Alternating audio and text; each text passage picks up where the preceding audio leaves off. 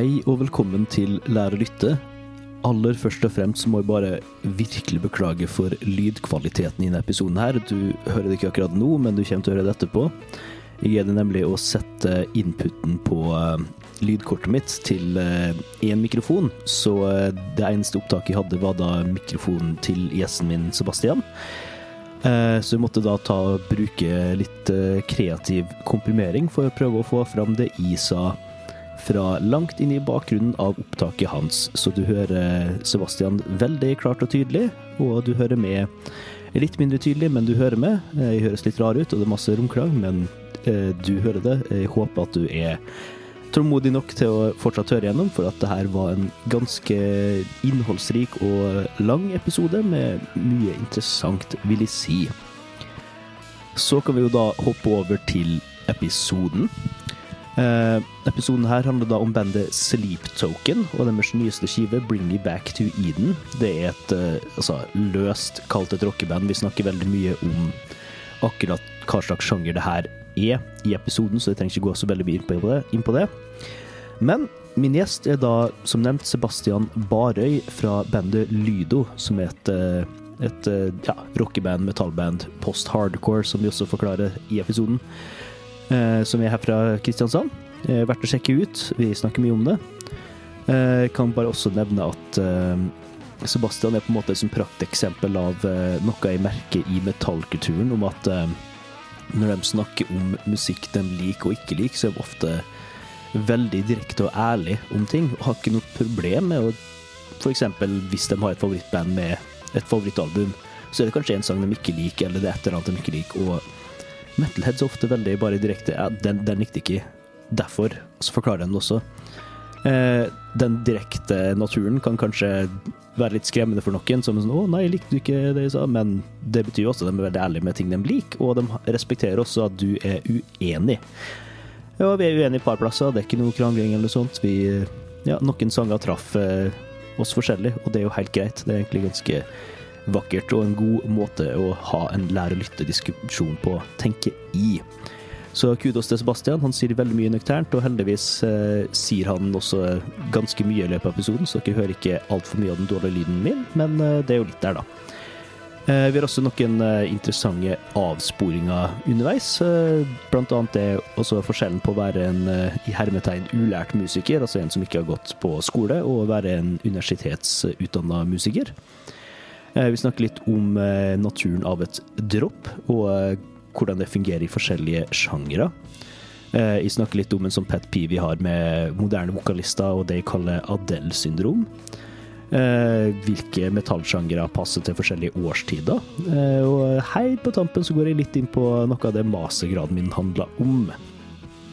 Uansett skal ikke oppholde dere altfor mye mer. Vi begynner litt in medias race rett inn i episoden, og så ses vi med Redi Gadrian en del ganger underveis.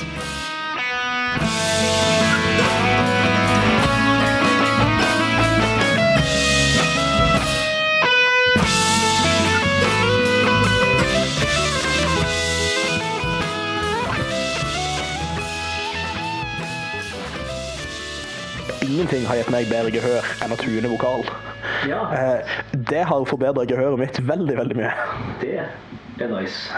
Hvis jeg bare rulle ut nå, så kan jeg Ja. putte det inn litt som en uh, start. ja.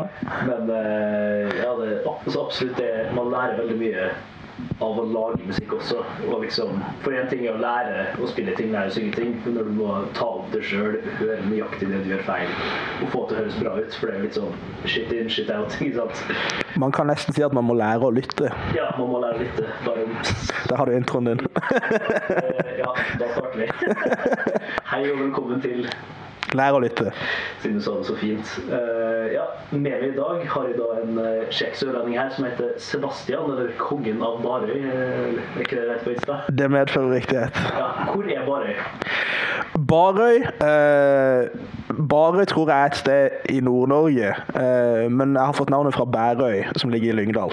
Ja, og det er der eh, du er fra på et vis, eller? Ikke i det hele tatt, jeg er fra Farsund. Ja, ja.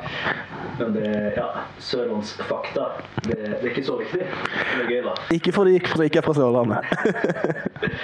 Men jeg kan kanskje bare spørre først, da. Hvem er du? Som du har sagt Som musiker, da. Som musiker, ja. Nei, altså, jeg er jo Sebastian Varøy, det har vi fått unna. Eh, jeg er musiker, eh, låtskriver, vokalist og gitarist. Det er de fire viktigste tingene om meg. Eh, jeg spiller i et post-hardcore-band som heter Lydo. Jeg driver et lite uformelt studio i byen i Kristiansand.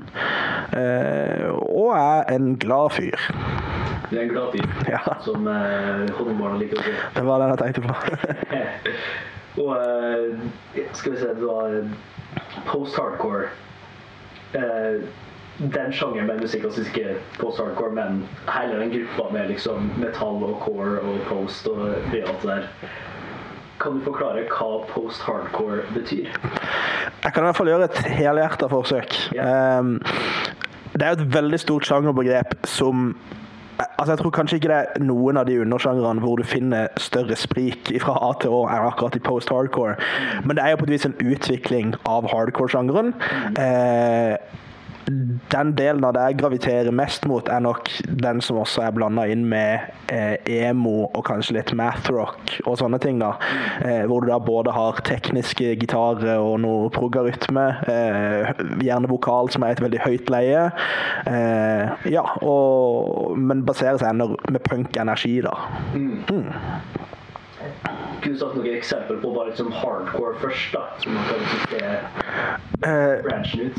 Jo, absolutt. Altså, hardcore så har du jo de klassiske bandene som eh, Black Flag, for eksempel, er jo et av de absolutt største. Så uh, Rollins hadde vært en drømmegjest eh, på showet. absolutt, han er spennende fyr. så det er jo en slags utvikling av iallfall energien de hadde. Selv om musikalsk så har det nok gått uh, et par breddegrader langt. de er kanskje å spille litt mer teknisk enn enn- det kan nok stemme. Ok, så det er backflag og så litt mer uh, Yngve-aktig? nesten. Ja, hvis du satte Henry Rollins og Yngve Malmsten i et rom, så er det mulig du ender opp med noe post-hardcore-greier. Ok. Ja. Ja, for det er alltid, jeg har aldri gidda å sette meg ordentlig inn i alle de forskjellige greiene for det er jo så mange, det er jo et meme at this point, ikke sant? Veldig lov, det. Post-revolution, secondary, hardcore, wave, pop math rock band. liksom, du bare, det er ok. Ja. Eh, Hva betyr det? Men sannheten er jo at alle har jo koka sammen litt forskjellige unike påvirkninger. ikke sant? Alle i bandet har jo sikkert forskjellige retninger som da blir Helt riktig. Og, og vi modererer oss jo også hvis noen som ikke har peiling på sjangere spør, så sier jeg spiller i rockeband. Uh, så det er alt etter hvem som spør. Ikke sant? Men det er gøy å lære å, lære å lytte. eh. Name drop. Og da lærte vi noe som er litt gøy. Eh, og for så vidt da bare først og fremst hvordan kjenner vi hverandre? Vi kjenner hverandre gjennom felles bekjente, vil jeg jo si. Og da vil jeg nevne Gabriel Sæther, som er tidligere bassist i, i nevnte post-hardcore-band Lydo. Eh, Du bor vel nå i hans fars hus? Ja, der han delvis vokste opp også. Helt riktig. Og så jeg tror jeg har hørt om Lydo sånn litt her og der mesteparten av tida har bodd i Kristiansand også. Fordi dere er jo en aktiv del av det lokale bandmiljøet. Vi prøver. Men jeg føler at det er sånn skille da mellom konservatoriumsband og sånne ting og lokalbanda. At det, til og med når mange av konsenbanda er rocke adjacent, gjerne litt mer uh, jazza, flinkis uh, retninga, men uh, det er liksom ikke så mange splitta f.eks. som er litt konsen litt forskjellig, men sånn som Dead Dispute, da, eh, som jeg har vikariert eh, på bass med Ja. Eh, 1. april. Det var en veldig gøy dag. Vi satt fast i heisen på et tidspunkt. For en dag. Men, uh, men sånn der er det jo noen gamle travere fra punkmiljøet og noe som har gått på konsen. Da. Så det er litt sånn Der har du litt generasjoner som møtes, da. ja, Ja. generasjon som møtes og verdener som møtes. Da. Ja. Sånn. Mens du har eh, vært i musikkmiljøet i byen her, er det, tror du det er vanskelig for lokale folk å liksom komme sammen med kunstmiljøet? Hei, Reddy Adrian her. Skal bare forklare et lite uttrykk som vi nevner et par ganger her, nemlig konsen. Det er en forkortelse for konservatoriet, og eh, så vidt de vet, så er det de fleste universitetsmiljø når man da som en fellesnevner snakker om studenter og musikere knytta til konservatoriet, så sier man da konsten. Det var det. Det er et veldig godt spørsmål. Eh, for det er, det er absolutt et skille, sånn som du sier. Eh, men jeg, føler, jeg vet ikke hvor bevisst skillet er, kanskje. Jeg lurer på om det litt bare har utarta seg sånn. Eh, for jeg har aldri møtt på noe verken motstand eller dårlig holdning eller noe. Så, så jeg vet ikke om det er vanskelig. Jeg lurer på om kanskje bare ikke nok folk har tatt initiativ.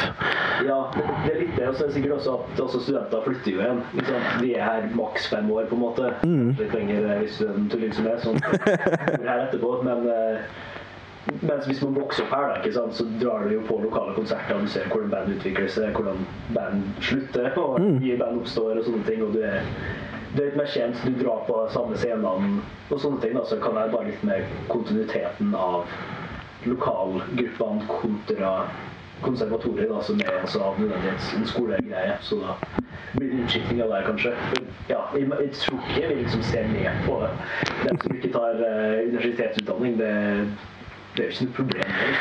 Nei da, og, og, og jeg tror nok kanskje det har noe med jeg tror hvilken aldersgruppe det er òg. For jeg husker også eh, Nå er jeg 23 år eh, og har holdt på, holdt på i noen år nå. Eh, kom jo litt fra den der videregående alderen med band som var da. Eh, og jeg ser at de aller fleste bandene fra da har nok enten flytta bort eller eh, oppløst. Eh, og så har de kanskje blitt bytta litt ut, de bandene, med Konsenband og sånt. Eh, som gjør, gjør, jo en endring i musikkulturen lokalt. Absolutt. Ja. Hvem som er liksom kanskje best til å integrere, da, er jo sikkert dem som er herfra. Så folk som har gått på musikklinja på Vågsbygd f.eks., og så begynt på Konsten, sett sammen band.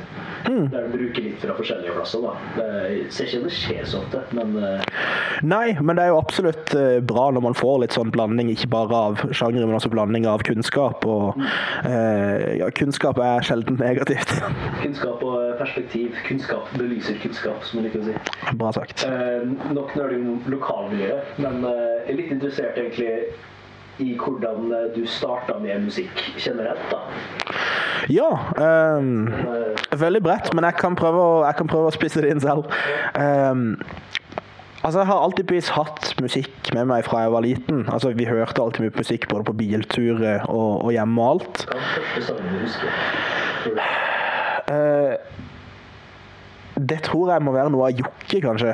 Okay. Eh, pappa spilte mye det. Jeg husker Ja, nei, my mye Jokke, tror jeg.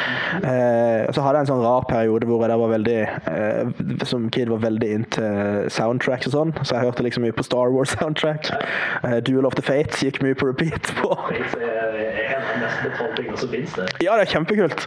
Eh, men første sånn som jeg kan huske sånn liksom band som jeg liksom forelska meg helt i, tror jeg var Iron Maiden.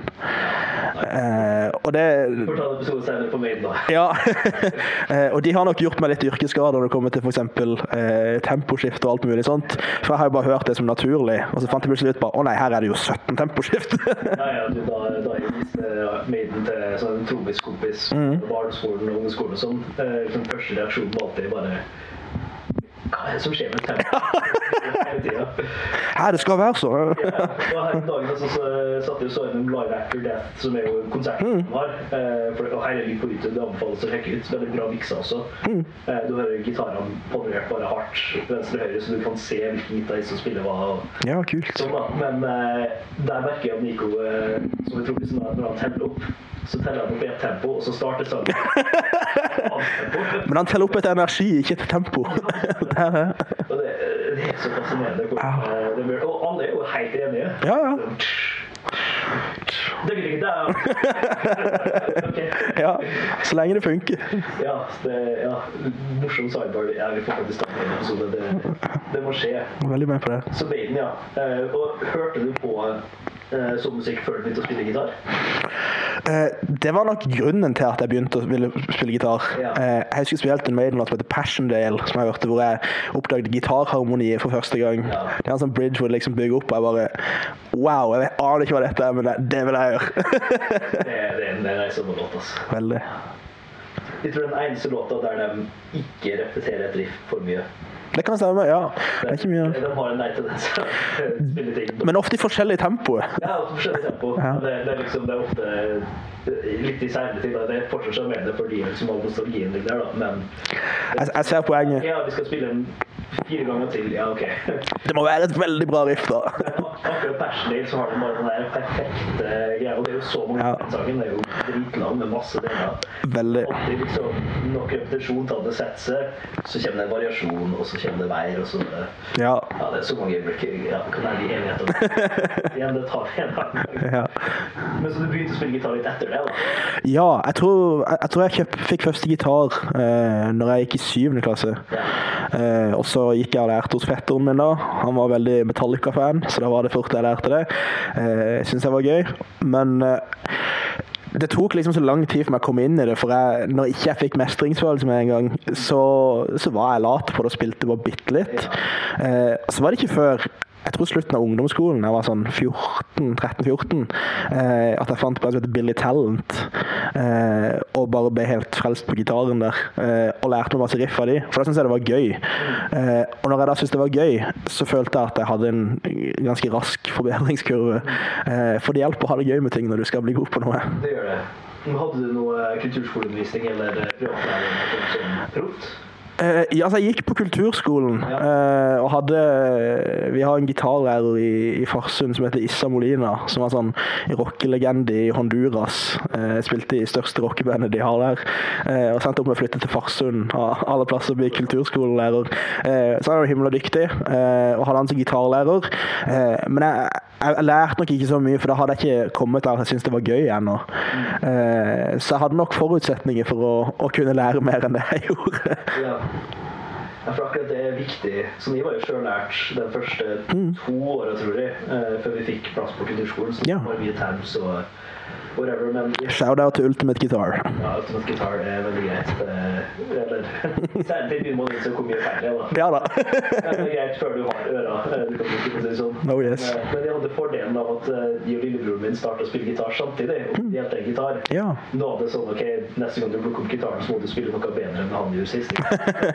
så det var liksom et element av konkurranse med i starten. da. Det hjelper. Han tror jeg tok til det mer naturlig enn de gjorde, egentlig. Jeg tror han har eh, bedre gehørutgangspunkt. da. Ok. Etter hvert så gikk interessen videre til fotball, mens min bare fortsatte. Og da Da var det din tur til å ta forbi. Deilig. og så hjalp det jo med kulturskole da når eh, jeg hadde mm. en ting jeg hadde lyst til å lære. Så det var veldig fint at eh, de forskjellige lærerne jeg hadde, ikke var veldig sånn der eh, Du skal lære det, og du skal lære det. Det var veldig sånn Ja, ok, dårligste lærersaken, da gjør du det. Ja. Jeg fikk ikke en derre Ja, du skal lære å spille G-dur. Du skal gjøre Cannon Rock. Ja, ja. Den spilte jeg aldri. Nei. Eh, Men første gang jeg hørte den eh, av en gitarist live, så var det veldig gøy. da. Kunne ha spilt den, men, Ja, ja. men det ble ikke det. Nei. Eh, Men når begynte du å skrive musikk? da?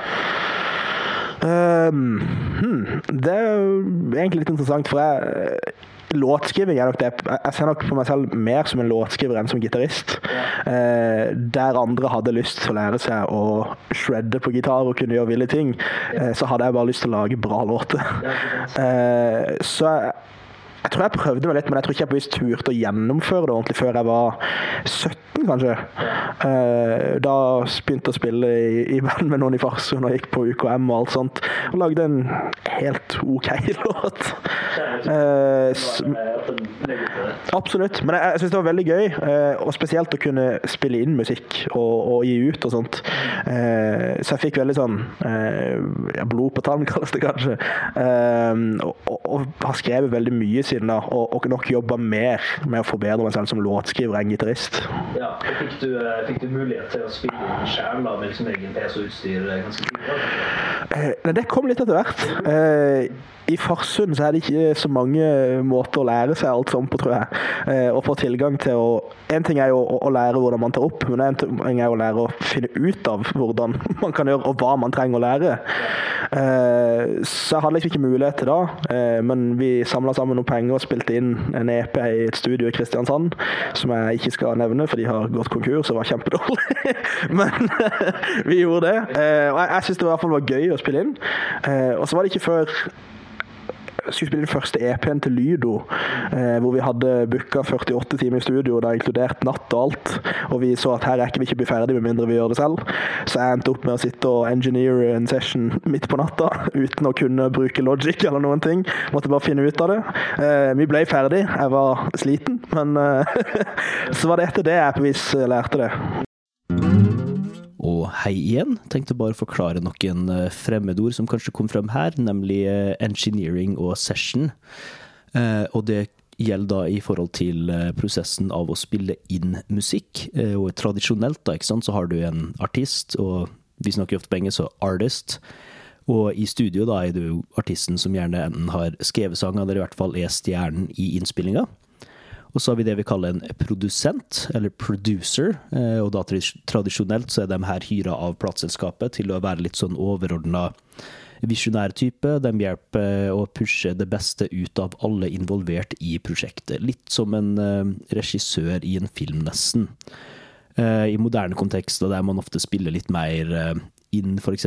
spredt eller hjemme eller forskjellig, så er gjerne artisten og produsenten ofte den samme personen.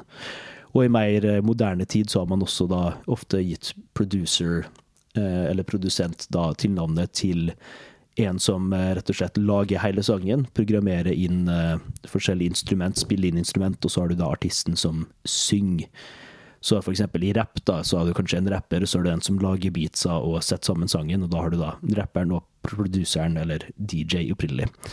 Så hadde vi orda engineer og session. En session er jo da bare selve ja, handlinga av å spille inn, det er tida man bruker.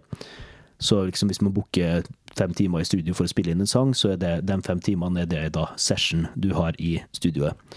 Og engineer, eller tekniker, blir vel det mest riktige norske oversettelsen. Det er personen som da har ansvar for å koble opp eh, mikrofoner, plassere mikrofoner og gjøre alt av det tekniske arbeidet og styret.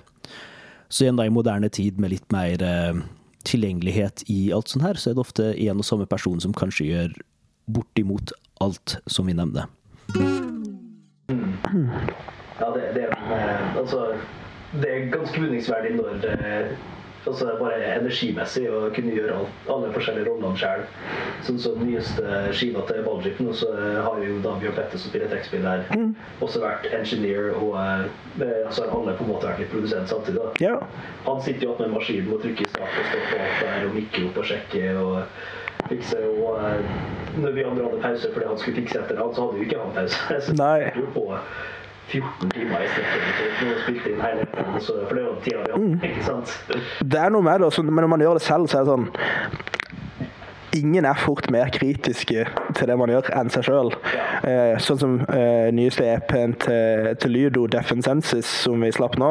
Eh, bare shout-out til egen EP. Eh, har vi også produsert selv. Eh, og jeg har sett noen videoer i ettertid hvor vi sitter og spiller inn, og så spiller jeg noe på gitar, og så tenker jeg oi, det var bra. Og så hører jeg meg selv på videoen fem sekunder etterpå oi, det var dritdårlig. så, eh, men man trenger kanskje å være litt kritisk hvis man skal få et bra resultat. Ja, men så trenger man også den som kan si at det var bra nok. Ja. For det, det vanlig, man, man kan jo være perfeksjonist og uh, få liksom skinne på f.eks. Eller sånn. Ja, det er ikke bra å gå for langt i noen retninger. Men det kan gå for langt også. Absolutt. Uh, du kan jo bli uh, Steven Wilson. Ja. Bruke liksom et år på å finne det riktige skikkordelig til å ha i ti sekunder. ja, finne ut om man skal dempe kvinten ved akkorden, eller om man skal ha den. Ja. og ja, bare altfor selvkritisk. Det er noe sånn de fleste sikkert kjenner seg igjen i. Det er nok noe av det å være musiker og låtskriver, at du blir, du blir kritisk. En, en skaper generelt, tror jeg. Absolutt. Too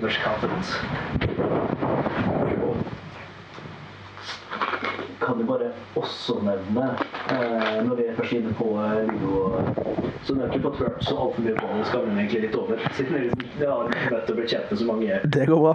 Lido-sfærer. Men eh, jeg hørte jo litt på eh, um, and Senses eh, i ja, oppladning til det her, da. Mm. Eh, og kan kan bare si i hvert fall at eh, favorittlåta mi eh, er nok All The Things I Should Let Go.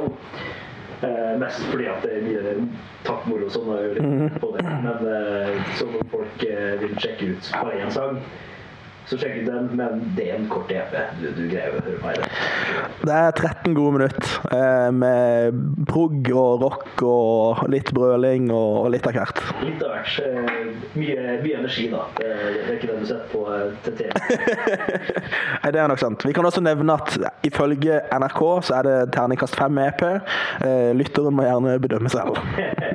Til trening tror jeg er gode enig i det. En kort treningssession på 13 minutter. Men skrivingsmessig uh, Jeg får på den plata er litt forskjellig hver gang. Men uh, hvordan er prosessen der? Jammer dere ting fram, eller sitter du og skriver alt? Eller er det noe midt imellom?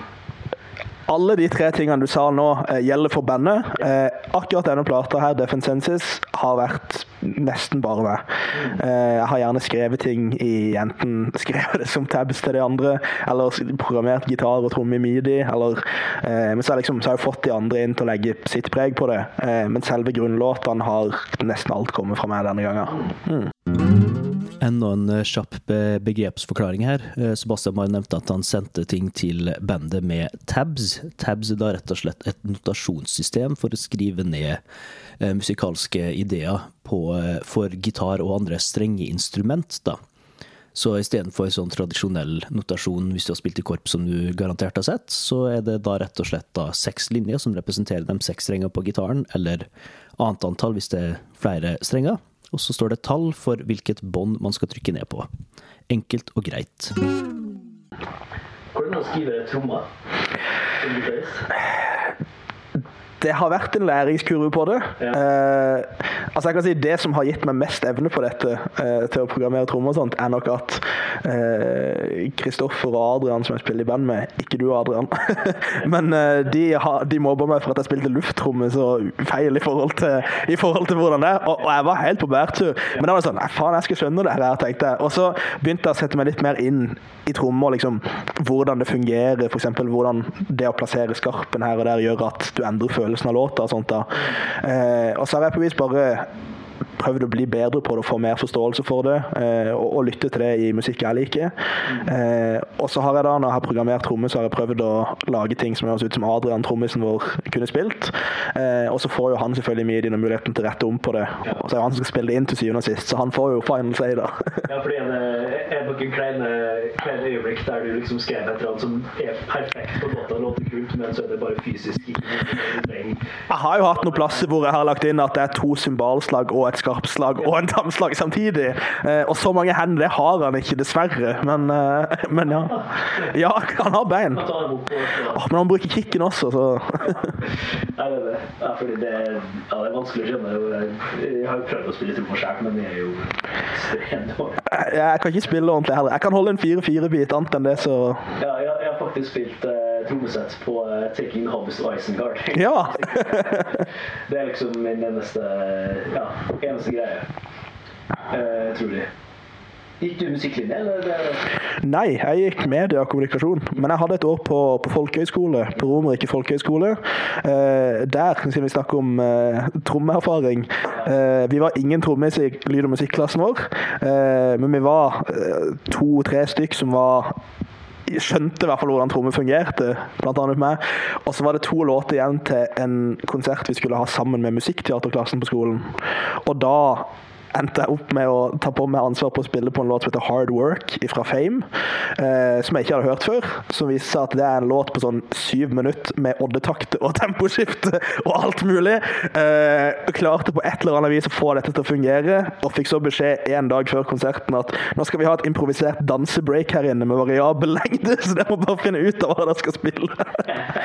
det var et mareritt. Ja, men sånn siden du ikke har eh, så mye utdanning og sånn jeg Nå vet jeg ikke hvor mye teori du har lest opp på sjøl, men eh, hvordan angriper du en sånn sang? da, Det trenger ikke være den, selvfølgelig, som et eksempel, men et eller annet veldig progete med masse forskjellige harmonier, f.eks., for eksempel, og ikke minst rytmer. Jeg føler rytmer er litt enklere å angripe uten så mye teoretisk kunnskap, mens spesielt harmonikk og sånne ting, da, soloer over rare akkordprogresjoner og sånn, har du noen måte du løser det på? Eh, det er et himla godt spørsmål. Eh, og som du sier, rytmisk så er det nok litt enklere å kanskje ta det mer intuitivt. Eh, så det er sånn, Jeg lærte meg låter i oddetakt uten å skjønne at de var det. Marigold av Periphery for eksempel, var første sånn prog-riff jeg lærte meg. Det var sånn Å ja, dette går ikke i fire. men melodisk så er det nok sånn jeg er ikke noen sologitarist. Jeg er sånn Jeg klarer å jeg skulle nok klart å, improvisere en helt OK solo, liksom. Eh, men det er ikke det jeg gjør primært. Jeg er nok bedre enn jeg har tid til å planlegge litt og sånt. Eh, men jeg føler jo det er litt interessant med bruken av melodi eh, og tonevalg i forhold til oddetakt også. For du må liksom angripe melodiene på et helt annet vis da også, for at det skal flyte bra. For bare sånn, Hvis noe går i 5-4, så er det ikke så kult å bare eh, spille 1, 2, 3, 4, 5. Du må liksom velge hvordan du plasserer de òg. Spille 1, 2, 3, 4, pust. Ja. det er liksom det, det, det er mer givende hvis du klarer å få noe som er veldig komplisert og høres veldig enkelt ut. Eh, så min strategi Absolutt. Det bruker veldig det jeg kaller Mission Impossible-rytmen. som er det der, Ehm, Så det er jo det. Og samme hvis vi spiller i, i 6-4 f.eks., så kjører vi gjerne også en sånn polyrytme og får det til å høres ut som fire, som også er tilfellet i den låta. Så er det ganske enkelt å få kompliserte ting til å høres mindre komplisert ut. Ja, det, og det er jo da det er tegn på at man har liksom internalis internalisert det nok som en musiker også. At Det ikke er vanskelig, for det så selv om det er komplekst og eh, i hermetegn vanskelig, så skal det egentlig bare være like naturlig å danse til som hva som helst annet. Absolutt. Denne Mission Impossible, for eksempel, den skjønte ikke jeg gikk i fem, eh, femtakt før jeg skulle skrive en blekke på den. ikke? Nei, nei.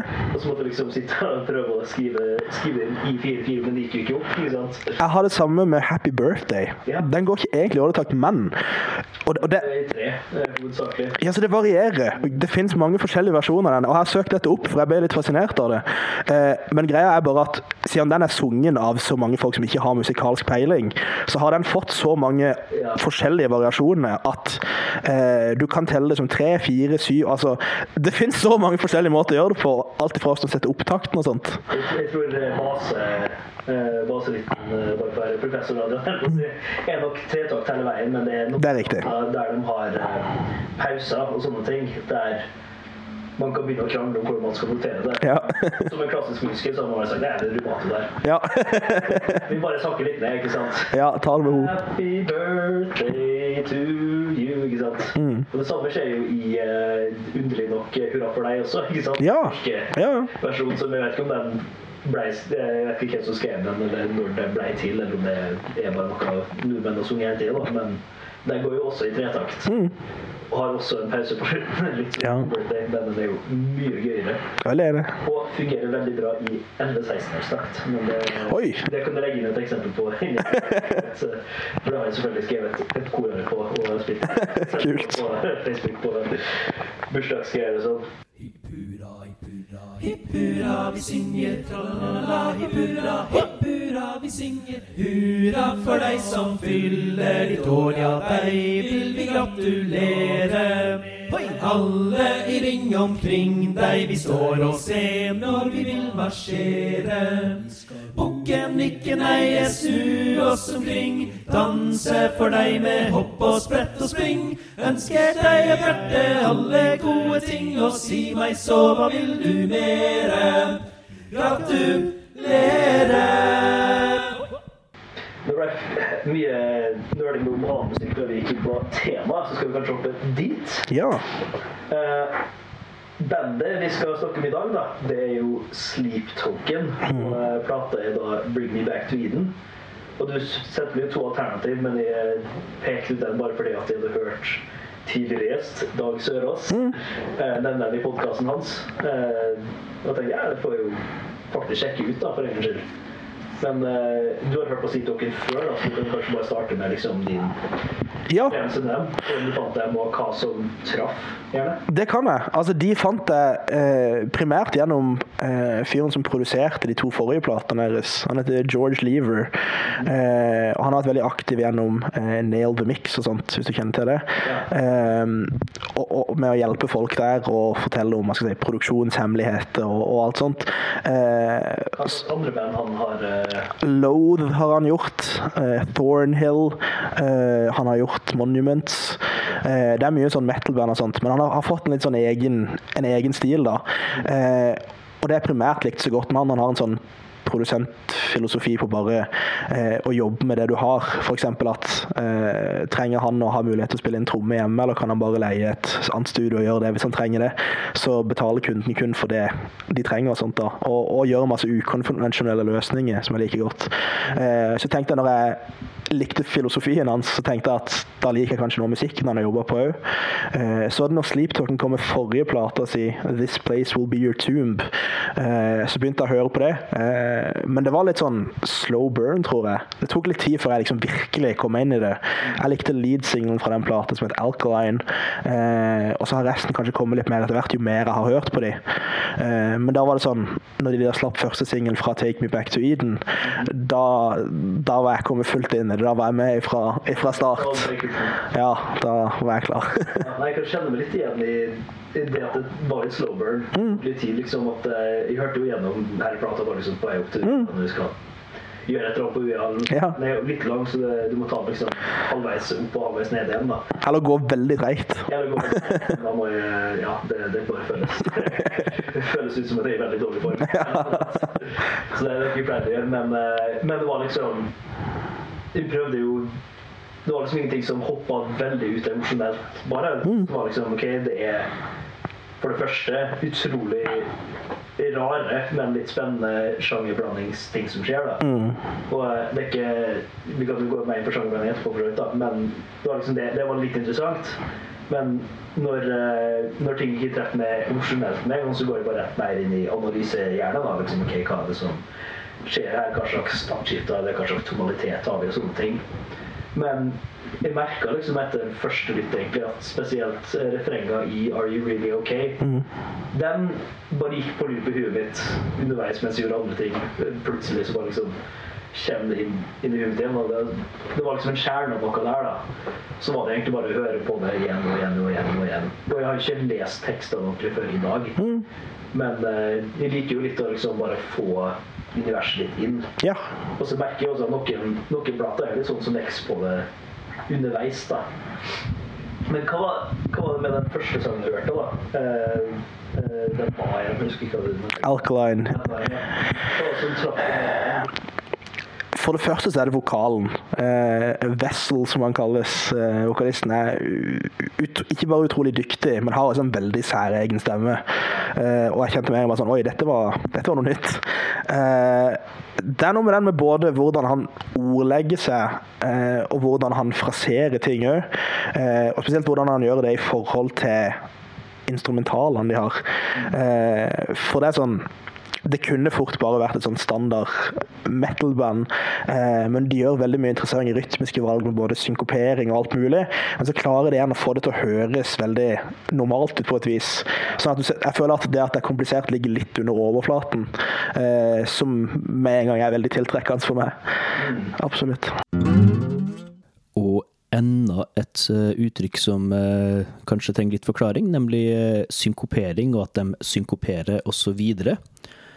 En synkopering er egentlig en slags forskyving av en rytme. Ikke sant? Så når man har en takt, så har man jo da en grunnrytme som går. Eh, vi kan jo ha et eksempel her med bare 4-4, og da knipser jeg bare litt bak mikrofonen her, ikke sant? Og da er det her takta. Fire og én.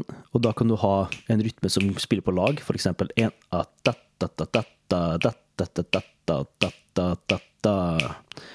og så kan du synkopere, der da det du spiller eller synger, går på tvers av grunnrytmen, for eksempel da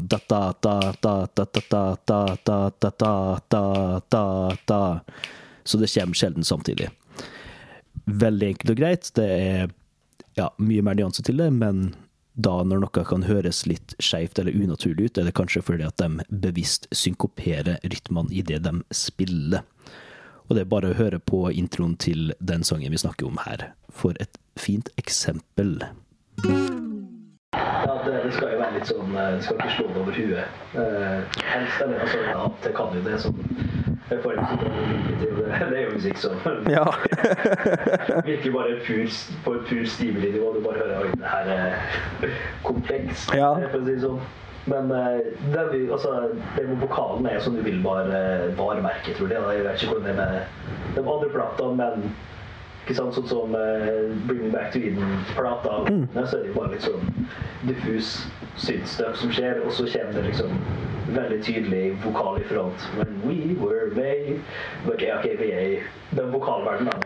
ja. uh, og der kan du for så vidt slå et slag også for band som har en vokalist som bare synger, ja. og ikke han spiller piano til, da. Eh, Han gjør jo alt på innspilling utenom tromme. ja, okay. Men uh, de har jo med seg altså Gitarist og bassist er sessionmusiker. Ja, ja, det er interessant.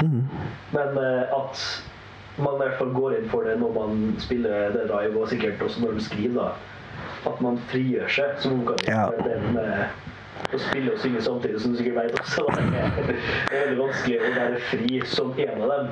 Eh, Det må det er dere ofte spille på lag, da. Jeg jeg er dyktigere både på gitar og vokal hvis jeg kun gjør en av de. Det er ikke tvil. Jeg nok, noen musikere, sånn som Christine, blant annet, det er jo helt idiotiske på det der, da. Ja. Eh, Gøy hva som helst, men det ja, en aside. Men uh, vokalleda er veldig viktig. Jeg tror det også kanskje snakker litt til hvorfor det bare greide å vokse så mye. da. At uh, For en vanlig som ikke er musikknær og ikke spiller instrument, så er det jo alltid vokalen man går etter. Og det er veldig sånn hvis du liker en, eh, altså til hvis du liker Hosier eller noe som er sånn veldig poppete, men veldig sånn sart greier. Det er noe Imagine Dragons på plata også. Det er litt av hvert. Det. Ja. Liksom, Ja. Det, det er absolutt den appellen der da, som jeg tror gjør at uh, folk finner et eller annet med det. Ja. Det, det er én ting med vokalen som irriterte meg litt i starten, men etter at man hører på flere ganger, så kommer man seg litt over det. Men eh, jeg fikk ikke at jeg finner på et navn på det ordentlig, men kaller det litt Adele-syndrom. OK, jeg er spent. Eh, og det hjalp også at jeg fant ut at bandet var britiske og ikke amerikanske. R-ene deres høres ikke så veldig britiske, så da når du prøver å tyde teksten, så tenker jeg amerikansk uttale. Og det er en greie som skjedde rundt da Delvit ble stor, at sangere, eh, spesielt i balladeverdenen, eh, av en eller annen grunn begynner å overuttale vokaler. Ja. Diftongisere dem, gjør dem til litt sånn ei, ja, eller alt. Så liksom treige låter, når du begynner å si et ord, og så ligger du på en, altså en vokal som egentlig er én lyd, men så gjør du den til to forskjellige, sant? AI eller et eller annet. Så greier du ikke helt å forutse hvilket ord det er, så blir du bare forvirra og irritert. I hvert fall i mitt tilfelle. Jeg, forstår, den absolutt. Ja, så det var, det var et par låter eh, den tredje som det var bare liksom der ah. Måtte jobbe litt. Men, men det, det, det, det jeg om i dag, liksom, så tenkte jeg nesten ikke over det. Måtte liksom prøve å huske hvilken låt det var som det, Ja. det, det kom jo over, da. Men eh, det er jo mer enn pep Det er jo mange som elsker den stilen. Vi kjenner jo så mange sangere som går veldig hardt inn i Ja. den greia. Og jeg syns det er cringe, men det er jo mer enn noe fra min side. ja da, det er lov det. Men, eh, men du skjønner hva jeg mener, ikke sant? Det, Den eh, lyden, på en måte. Det er mye interessante fraseringer, eh, på, på godt og vondt, alt vi hva man liker. Man, man prøver Amy Winehouse eller eller et eller annet, og så er man Man snakker ikke sånn, da. Nei. Kamera spesielt, da, liksom skal prøve å etterligne filmen. Ja. Uh, går jo ikke helt, da. Men uh, han har ikke så veldig utprega aksent i det hele tatt når han synger. Han er veldig sånn eh, mellomengelsk på et eller annet vis. da. Ja. Litt sånn amerikanske r-er. En liten hybrid. Litt hybrid, ja. Men uh, det veldig spritiske pass. Det er jo mm. interessant, det. Men han, han fyren her, da, som vi har snakka så diffust om, så det vet du sikkert du mer om. da. Jeg vil bare forklare hvem Vessel er. Ja, eh, det er gøy. ja eh, de er jo eh, så å si anonyme, eller i hvert fall de, de annonserer i hvert fall ikke offentlig hvem de er. Eh, så Wessel er jo frontmann i dette bandet. Frontmann og primærlåtskriver og, og alt det som er. Eh, han er jo både artisten og her og Men han er på vis også hovedkarakteren i en slags verden og utspillende univers de har bygd opp. da. Eh, de har veldig sånn komplisert law som eh, ikke jeg skal ta på meg ansvar og prøve å forklare alt om, for det er mye greier. Det er som prøvde å forklare det. eh, høre. Ja, det er, det er mye greier. Så han er på et vis hybrid av hovedkarakter og frontmann. Ja. Det er gøy å bygge opp historie litt. Eh, og det er, jo, det er jo ganske vanlig i metallverdenen. Eh, og i k-pop-verdenen. Ja. Eh, at eh, artister altså, lager liksom en hel fantasiverden eller plott eller et eller annet. Og, eh, når du ønsker å være anonym også, da. At man ja, mytologi, mytologifisere eller et eller annet. Ja. Eh, Så selv, da, så eh, når man snakker om Vessel, så er jo det da frontpersonen Mm. i det bandet her for eh, dem som eventuelt blir forvirra av det. Men så han skriver omtrent alt og spiller alt av instrumenter, egentlig. da. ja, alt utenom trommer på plate. Tromminga er jo helt vill. Det er en veldig dyktig trommis de har. Det, er- det er det ikke en tvil om. Det kan vi ta med vi på Ja. hver sang, sikkert. Men sånn, eh, det andre kjennetegnet som vi tror stikker ut veldig med en gang, eh, i forhold til eh, at det er vokaler, da er det liksom ja, med en gang, men også skjønnblanding. Ja. Og eh, noen folk man blander sjangere, så er det litt sånn ok, vi tar kanskje energien og låtstrukturen til én sjanger, men spiller det på instrumenter som tilhører en annen en, eller et eller annet Mm. Men det som er litt kult her, da, er at man tar liksom en sang og seksjonere den nesten ut. At liksom, ok, her har vi ett vers. Uh, jeg husker ikke jeg hvilken låt det men det, er skjer jo flere ganger, for så vidt. da, Men det er liksom at refrenget kommer tilbake igjen i forskjellige sjangere i løpet av Ja. sangen. Og du ser ikke det før du sitter og leser gjennom teksten. og Stemmer det, det er samme tekst, men det er jo en helt annen verden. da. Og det, det satte ut egentlig fra første låta på plata, med Chokehold, at mm. når piano og, eh, og eh, trap-beaten kommer inn Ja. Det bare hørtes ut Jeg trodde noen hadde skudd på en annen sang. liksom utenfor mitt, eh, min, mitt, mitt univers, da. Men det er helt Bare ta ut kroppen og bare høre, liksom. Ja, det er meninga? Ok, nå må jeg høre på den på nytt. Og, eh, og det er jo gøy reaksjon da, med en gang skulle Ja. bare Hva var det her, da? Jeg syns det er virkelig imponerende hvor bra skikkelig lavt stemte gitarer med masse vreng legger seg sammen med piano. Ja. Det er beundringsverdig kult, syns jeg. Du burde høre på uh, Tigran Hamasia hvis du ikke har gjort det ennå. Det burde jeg helt sikkert. Jeg skal ta og sjekke ut. Han er jo jazzpianist, egentlig. Mm. Det er sykt mye gent og greier. Mm. Ja, kult. Måten å skrive musikk på, det er jo piano, trommer og bass, stort sett. Ja, Men han spiller liksom tunge riff dypt inn i heftig. Ja, og det, ja, det, det får sjekkes. Mm. Det er liksom shit. Men, eh, men ja, det er den der blandinga av ting og elementer. At de eier det litt. da. Liksom, det skal ikke være sånn at vi bare putter inn en polka. bare. Er liksom, men uh, den er skamløst moderne, da. Ja. Den, liksom, den eier veldig popelement som kommer fra musikk nå. Mm. Men du ser det også i liksom genealogien da, nesten av låtskrivinga, at sånn enkelte tekster der det plutselig blir mer hiphop, så rimer de også sånn som en hiphop-forfatter hadde rima ting. Så det, det viser at det liksom ok eh, Vessel og eventuelle andre som er å skrive, hører på sjangeren her, respekterer den også. Det er Mm. Ja. liksom en forståelse av det, at det ikke bare er en effekt hvor jeg er morsom eller prøver å være eksotisk. Mm. Noe vil. Men er resten av plata like variert, eller går den veldig hardt ut på det her? Altså, dette er nok i hvert fall den hvor de eksperimenterer med flest forskjellige sjangre. Ja. Altså, her har de jo både funk og jazz og hiphop og soul og ja, ikke minst metal, men uh, alt mulig. Uh, på tidligere plate så er det nok kanskje Altså pianoelementet er der ennå, uh, og det tyngre elementet og det elektroniske elementet. Eh, de to første platene er nok mest basert rundt det. Så har de en låt her og der som er mer sånn fingerspill, gitar, singer-songwriter-greie. Eh, så, så de har noe, men det er nok mer prominent på denne enn tidligere. Ja, for akkurat, akkurat trap-beatsa også var litt sånne ting som Mm. uh, Hate it or love it, på en måte. Da. Ja. Fordi trommisen er jo så sykt god. Ja. Eh, og det høres ut som, jeg skal ikke si det med 100 sikkerhet, da, men at eh, når de har sånne elektroniske trap-beats, at det faktisk er bare programmert inn, at det er helt statisk. ja, det er nok det. Eh, At det ikke er han som spiller på en midi-trigger eller Mm. noe. Men når du ser liveklipp, så har jo da trommisen en eller annen som digital eh, Han har pad, ja. på. Mm. Eh, Men du savner liksom litt av det organiske samspillet som oppstår da når eh, du har en, en person som egentlig ikke spiller helt perfekt. Er. Så det, det er jo en annen ting som tok litt tid for meg å liksom like plata ordentlig, for de, er veldig sånn jammete live-musiker-type i lyttinga mi, som er det jeg gjør Ja, ja. som musiker også. Så jeg vil liksom alltid høre ok, når trommisen gjør det, hvordan får det da bassisten til å reagere? Ja, type ting som du ikke hører så mye av den plata. Det er mye mer en sånn konstruksjon. veldig. Utrolig kompleks og eh, vakker konstruksjon, men det tar litt mer tid. Du må liksom Veldig. ja, sitte og studere elementer, og så liksom zoome inn, zoome ut, zoome inn. Zoome ut. Ja. Som gjør at da på flere lytt så er veksten veldig på det. Mm. På en måte som er veldig kult. Men eh, ja, sjangerplantinga er utrolig spenstig, og det blir gøy å se da om 10 år, 15 år. Eh, hvordan den plata her høres da.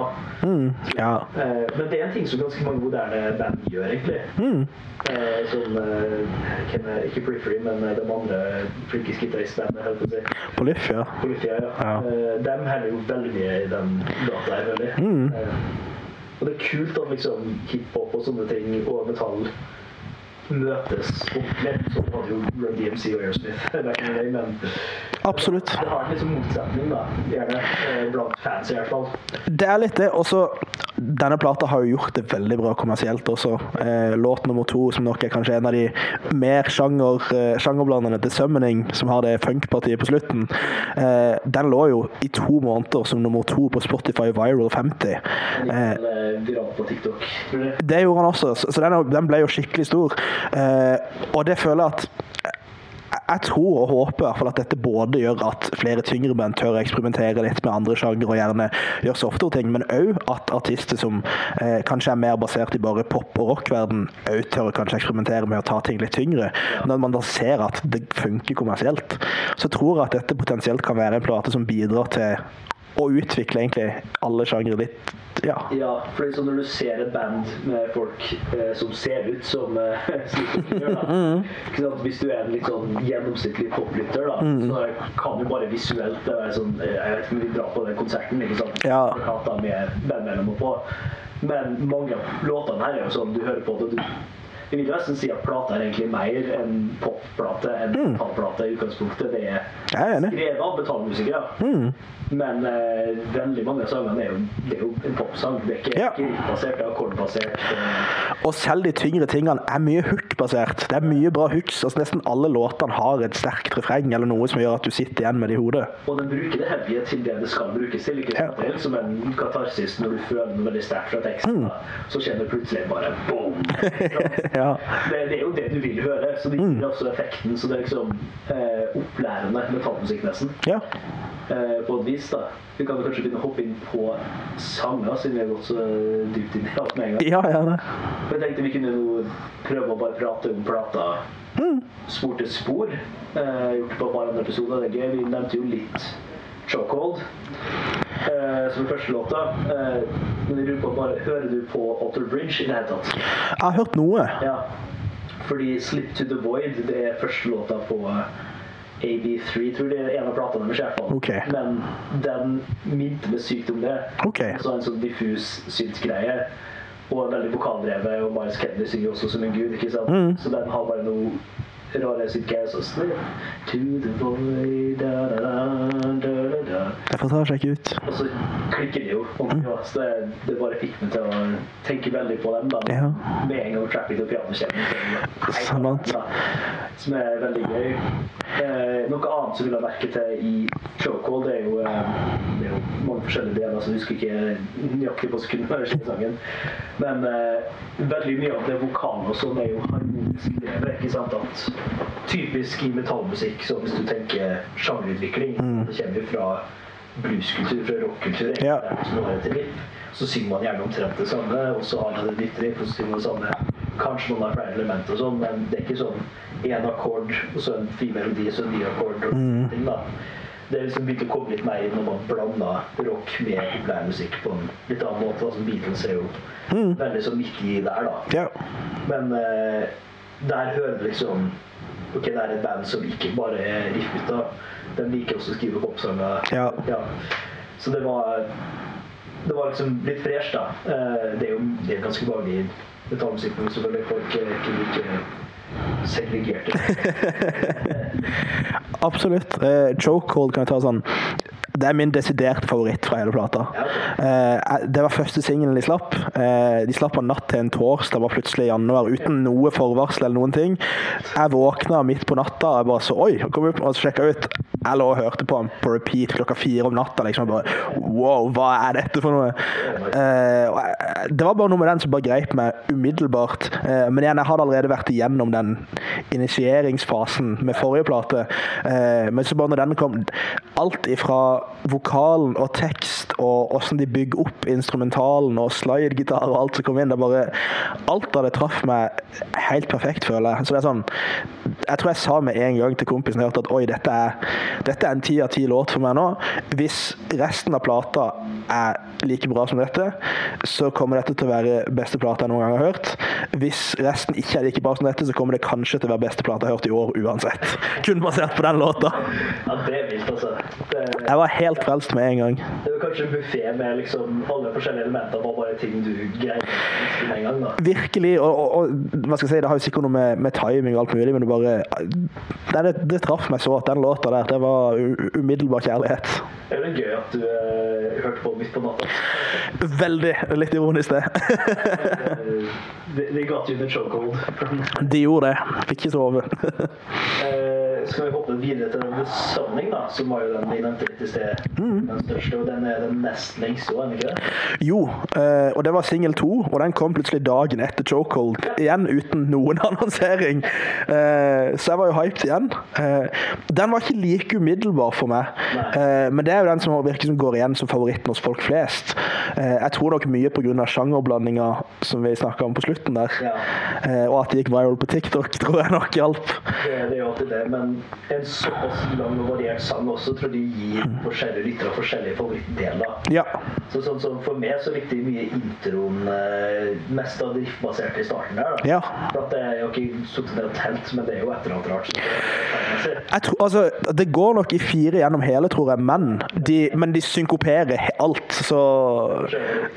Ja. det, er- ja, det er godt mulig, det. altså. Ta prøve til. men, men at de også da gjør eh, det spesielt i versa, Mm. som en gang refrenget kommer, sender psykopa og sånn, så det er veldig veldig lett å synge til. Mm. Eh, som er liksom da, For min del da, det gir veldig god balanse av Ok, det her var litt vanskelig å skjønne, nå må vi lytte ordentlig. Mm. Og til ok, nå kan vi bare slappe av, synge med og kose med. Ja. Der reise der. For, for min del er det som å Gating da, når det er uforutsigbart nok. Og det vil jo da selvfølgelig variere ut ifra hvor kjent du er med en sjanger og sånne ting. Ja. Etter hvert òg, da. Så det er jo forskjellig for alle. Men så blir det jo liksom en helt annen sang i løpet av runtimen. da. Endrer seg jo konstant. Ja. Men for min del i hvert fall så er balansegangen der utrolig kul. da. Så er det den der bare om slutten.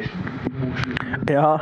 Så bare sånn Ok, hva som skjer her? Det skjer jo ingenting, nesten. Og så sjokkerer de det med sexy funk-parti på slutten. Wow. Så det, den kan man jo nesten se på eh, som en fise-statement til plata. Ja. At det er liksom Ja, OK, vi skal gi det alt mulig rart. Så vi Mm. skal knuse trynet ditt. eh, Men vi du skal også få noen sjakkmessige overraskelser. Veldig enig. mye forskjellig, da. Så det, det kan jo være en man vil sjekke ut. Så man skal sjekke ut en først igjen, men eh, Det er nok en grei låt å komme seg inn i de med. Absolutt. det, det, det gir det jo alt. Så Ja. det er liksom Det er klar for A journey through time. Ja. Jeg har ikke tenkt så mye over teksten, da. Vet ikke om du er du er tekstlytter. Jeg er veldig tekstlytter. Eh, det som er med tekstene deres, er at det er veldig basert rundt det konseptet de har bygd opp rundt eh, guddommen kjent som sleep, eller hypnos i gresk mytologi. Men, eh, og det er veldig basert rundt det, men det er jo på en vis veldig tydelig metaforer da, for eh, et toxic forhold han har vært i. Eh, og man merker nok òg veldig hvordan tekstene utvikler seg fra første plate til denne. da. Eh, både med hvordan han snakker om eh, andre personer i, i dette forholdet, om det er positivt eller negativt og alt sånt. Eh, jeg har det inntrykket. Ja. Eh, og det virker jo som et veldig ikke bra forhold, kanskje, eh, ut fra hvor mye han har hatt å, å, å si om det. Eh, men, men jeg syns det er en sånn interessant reisen han har ifra Mitt inntrykk er at første plate og til dels andre var veldig basert rundt eh, jeg savner dette, jeg vil ha det, jeg vil ha det tilbake, alt sånt. Mens på denne plata her, eh, på Take Me Back to Eden, så hører jeg nok mer eh, kritikk av andre personer. Bare sånn Oi, nå, nå er jeg sint. um, Det var, ja, altså Hvis du bare tar tittelen betraktning, så er det kanskje at han lengter tilbake til tida før. Ja. At det, liksom, det, det hadde egentlig vært bedre å ikke ha opplevd det her. Ja. Absolutt. Da spørs det jo kanskje neste plate Vet du hva, jeg er glad for at du opplevde det her. Jeg lærte det. Dette her er jo slutten på en trilogi de har lagd. Ja, ok. Eh, så ja, vi kan, vi kan komme tilbake til det senere når vi nærmer oss slutten av plata. Ja. Så det er gøy. Eh, Så bare skyt inn med tekstobservasjoner Mm. eh, det ikke blir nevnt. Eh, Men vi kan hoppe videre til Granite. ja. Eh, skal vi si at Der følte jeg veldig Hosier-aktig Mm. Det var liksom, ja, det er en popsang. Plutselig. Plutselig så kjører de på noe dobbeltdropp E. Yeah. Eh, Vi forklarer hva dobbeltdrop er. Det er å stemme gitaren. Ja, det er å stemme ned gitaren til uh, at laveste strengen er en B, og, og så en oktav til. At du i det hele tatt har. Ja, det er nok mulig det er noe pitchskifter involvert, noe digital magi her. Men, eh, men ja, men Granite er nok kanskje det er nok en av de låtene jeg liker mindre fra plata, tror jeg. Eh, jeg syns ikke han er dårlig, men den er sånn eh, Jeg føler ikke den har noe for meg som ikke de andre har. Eh, han har jo noen av de pop-elementene, og så har han noen av de tyngre elementene, men jeg syns kanskje at det er andre låter på plata som gjør begge de delene bedre. Ja. Så det er ikke en av de jeg går tilbake til, men det er ikke en låt jeg skipper hvis jeg, hvis jeg hører den. Nei. Det, jeg, jeg sleit med å plassere den, liksom. Det var Mm. en å assosiere liksom, med Hozier-greia. Men jeg tror det den kan funke veldig bra til eh, som en lære- og lytteopplevelse, faktisk. Ja, Det absolutt. er jo eh, det katarsisen et ordentlig dropp gir. Så hvis du liksom hører på den, og du er litt mer pop av den lytter, men kanskje du liker litt mørkere depressive tekster, da, eh, og du hører på den her, det er liksom, du føler litt tension i, i kroppen nesten, fra liksom første par verser og refreng og sånn. Og så tenkte jeg ja, nå må det komme et eller annet nytt. da. Og I stedet for liksom et dropp eller et hook, eller noe sånt, nå, så kommer det bare knallhard gitar rett i trynet. Ja. Men, Og med refrenget på nytt, bare mye tyngre. ja, ja. Ja. Så det, og det, det er som et ordentlig tomt riff, føler jeg.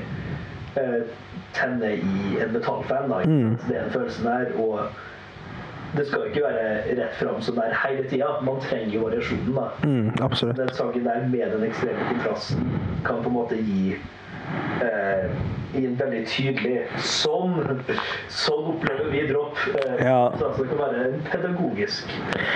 For dropp er jo ganske universelt i all moderne musikk, føler jeg. Altså Alle sjangre har sine, ja. men så er det bare hvordan de spilles ut. Altså Enten det er EDM, eller det er pop, eller det er er veldig, veldig tydelig. ikke sant? Eh, Veldig. Den plassen i sangen der det går da, da, da, da, da, da, da, da, da, da, da, da, da, da. Men der glir de gjerne mer inn. Ja, ja. Mens et dropp her, for eksempel, så er det skarpt rett på.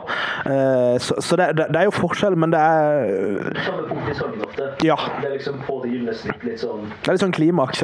Ja, men, men ikke helt i slutten. Nei da, du må jo ha tid til å roe ned igjen etterpå. Klimaks. Ja, ja. Den har, eh, den har liksom et så stort øyeblikk, og veldig som klassisk rock, så er gitarsoloen. Ja. Så her i moderne rock og metall så det er ofte dropp. Mm. Ekstra tungt drift. Bytta ut gitarsolo med breakdown. eller hoveddrift er bare treigere. Eller Ja. Ja, ja.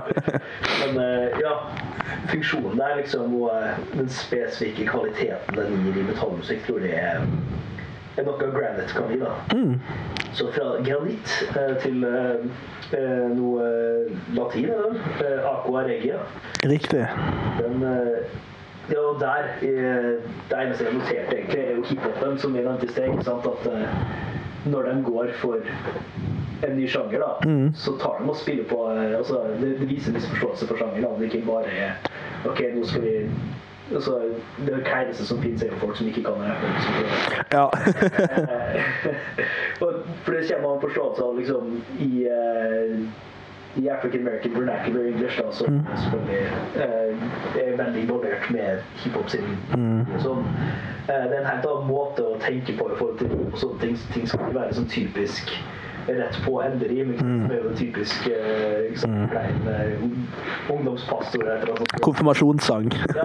Ja. Da, da, Jesus, og så Jesus eller et eller annet. Ja. Du greier ikke gjøre det. Men her er sånn, ikke sant, du har uh, aqua, regia, oxytocin Run, through the ether. Ja. Så det er jo ether, men eh, ja, man bøyer litt vokalen. Det er helt OK. Mm. Det er ikke nødrim, liksom, som gjør at Eminem faktisk kan rime på Orange. Ja. Oranges og så videre. Altså man, det hører bare til i den kulturen, da. Så Ja. det, det syns jeg er veldig kult, da. At det, det her er ikke bare eh, hiphop, liksom, eh, det de i hvert fall har hørt en del på det. Absolutt. Og så hører du jo at de liker jazz på denne. Jeg føler at det kommer veldig tydelig fram med akkordvalg eh, og sånt. Ja. mye interessant pianospill og sånt her, syns jeg.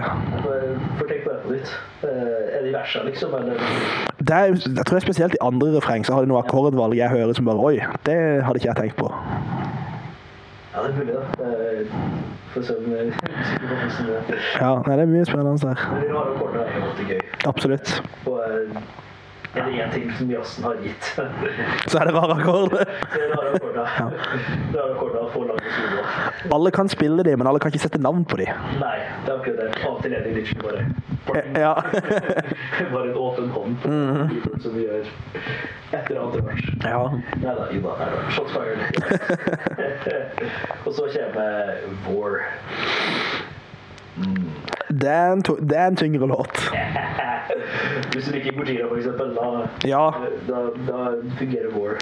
Den gjør det. Eh, jeg liker mye den, men personlig syns jeg den er litt, litt langdratt fra hva jeg foretrekker.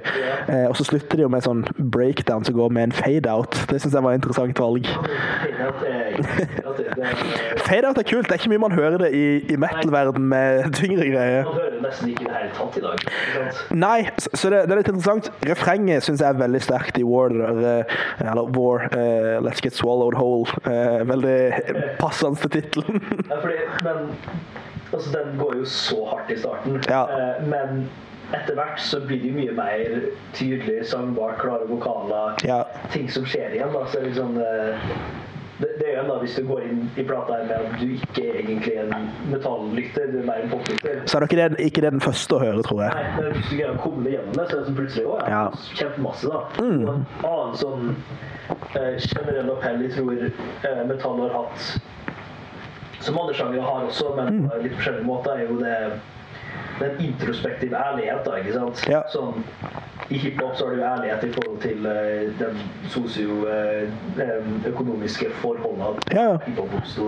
I country så har du liksom altså tidlig country så har du jo uh, veldig ærlige historier på liksom, hvordan det er å leve i eh, i fattige deler av Kentucky og sånne ting. Og eh, i metall så er det ofte mye mer introspektivt, mye indre følelsesliv, sånne ting. Mm Mange av de tidligste sangene som liksom snakker ærlig om ting som selvmord, selvskading og Ja. følelser, er det er metallmusikk, da. Ja. Eh, altså, ikke nok engang, for rock handler bare om uh, puling og fest. Eh, i stedet. på Bjord, for så vidt.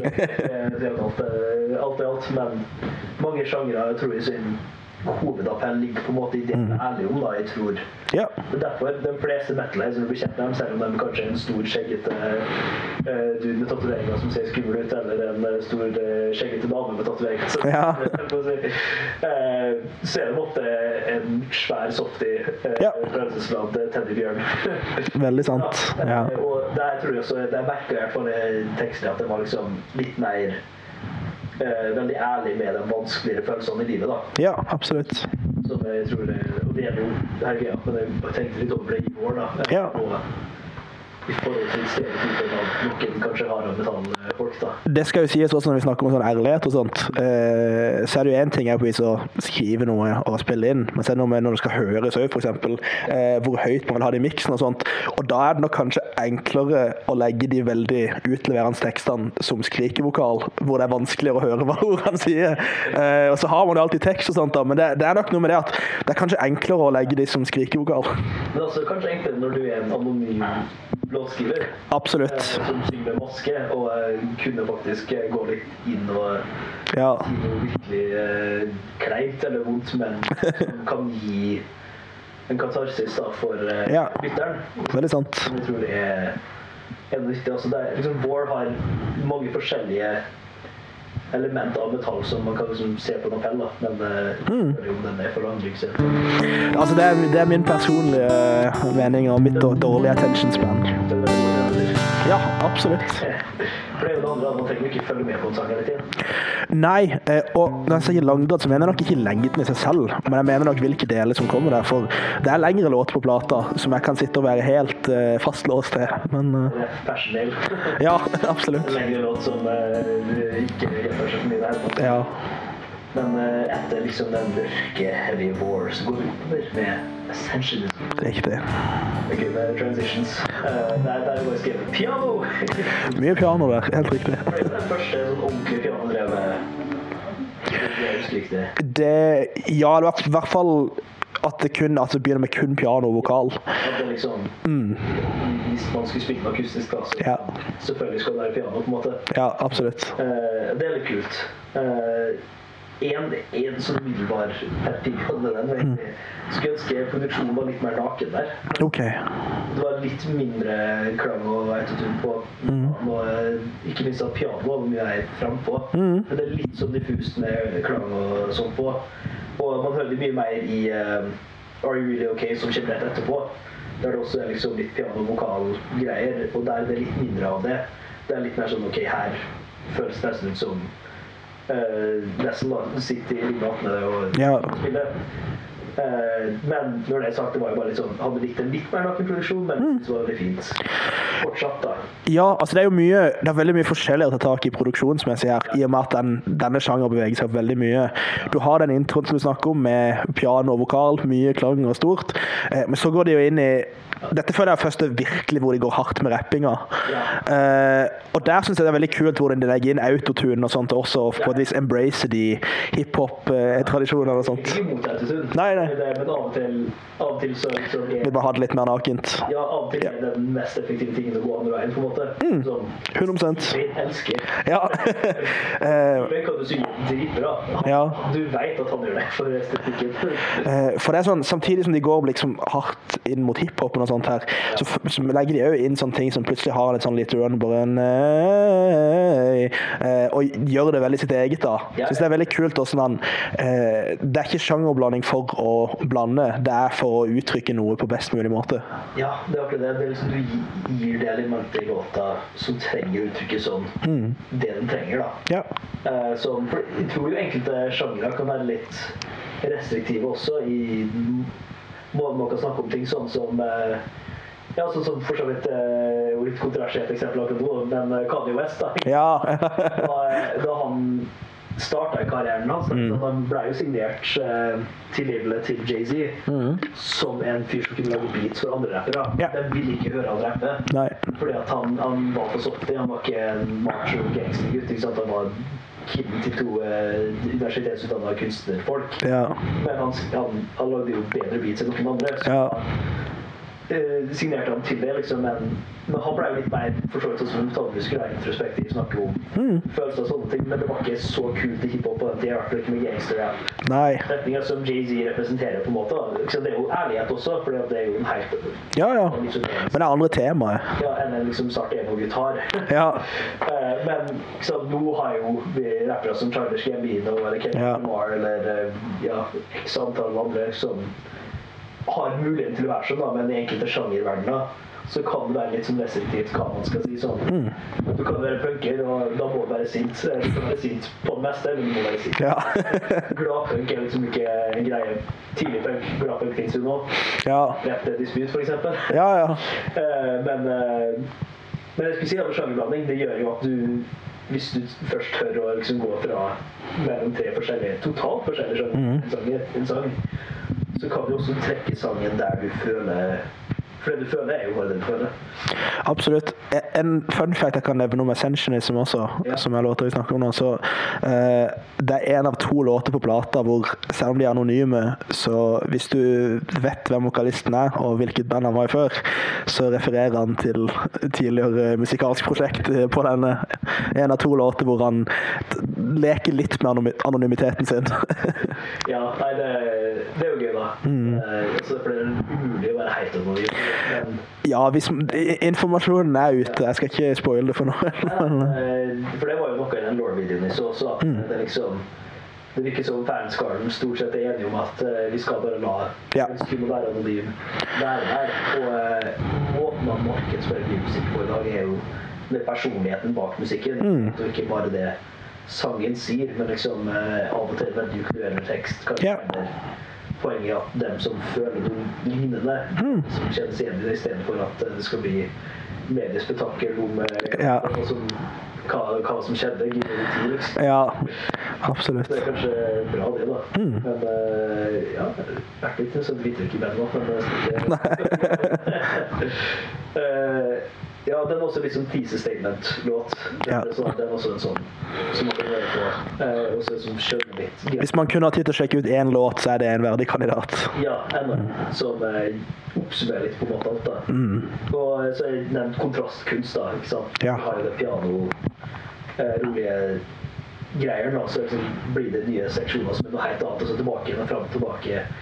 Men på det tidspunktet her i plata, så har du blitt vant til det også. Liksom det, det var ikke like mange harde sjangerskift like ofte i plata, men det blir mer og mer og mer etter hvert. Ja. For det setter opp en verden av forventning til at ja, ok, men du hva, vi kan plutselig gå inn i noe annet, da. Ja. Som er kult. Men, eh, men du, are you really okay? Det er et uh, ladet spørsmål. Eh, men det er også en låttittel. det er det. Eh, det er en låt som jeg har en pet peeve med, som uh, Det er den jeg liker minst på plata. Og grunnen er for meg så høres Det er noe som skriker lovsangsteam av hele låta. Dette høres ut som en låt man hadde hørt på sånn misjonskirke eller sånt. Eh, og for så vidt, det er mye dyktigere musikere og sånt der. Eh, men nei, jeg, jeg sliter litt med å komme meg forbi akkurat det, den, det inntrykket der. Det er bare det du husker, liksom. ja. Det er ikke trauma. Det, det, altså, med den så syns jeg den er mye mer simpel. Ikke mange deler. Ikke mm. Forskjellig som skjer, men det gjør det jo mye lettere å Ja. synge på og lære. Jeg tror det er den som kommer til å ha flest akustiske covers. Det kan stemme. Uh, ja, det var her jeg hørte det Adele-syndromet mest, kanskje. Ja. Som irriterte meg litt, men igjen det refrenget Are you really okay? Det bare satt i huet. Og her kan du nevne litt mer eh, eh, er dette ting harmonisk, da. Altså, Akkordmessig. Så går den jo ikke her i standard dur, men går i en sånn form for miksolydisk. ja.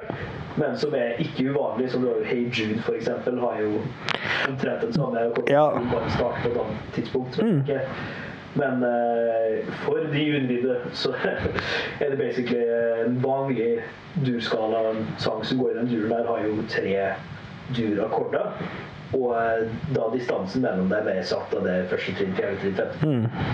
I Hey Jude for eksempel, som er kanskje det mest kjente eksempelet, men det er jo veldig vanlig i kjempemange sanger, spesielt i en slutt av en sang. Der man har gått i dur hele veien, så man over til det her. Da har man eh, en durakkord på syvende trinnet. Okay. Um, som eh, det er rett og slett ikke Hvis vi er i C-dur, så går vi fra C-dur til best-dur. Ja. Så går vi til en kvart ned eller en kvint opp, alt ettersom. Det blir jo Men det kan jo faktisk vise her, da, skal vi se. Jeg husker jo ikke hvilken toneart den går i. Men det er ikke så farlig, ikke sant? Nei da. Det går vel egentlig med capo, men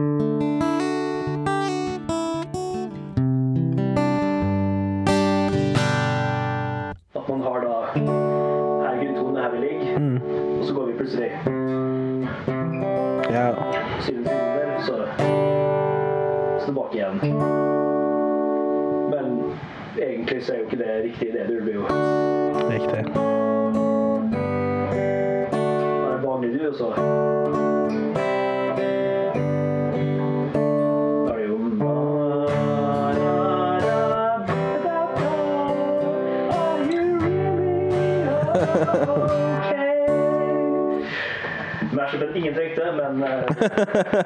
men eh, de fikk likevel.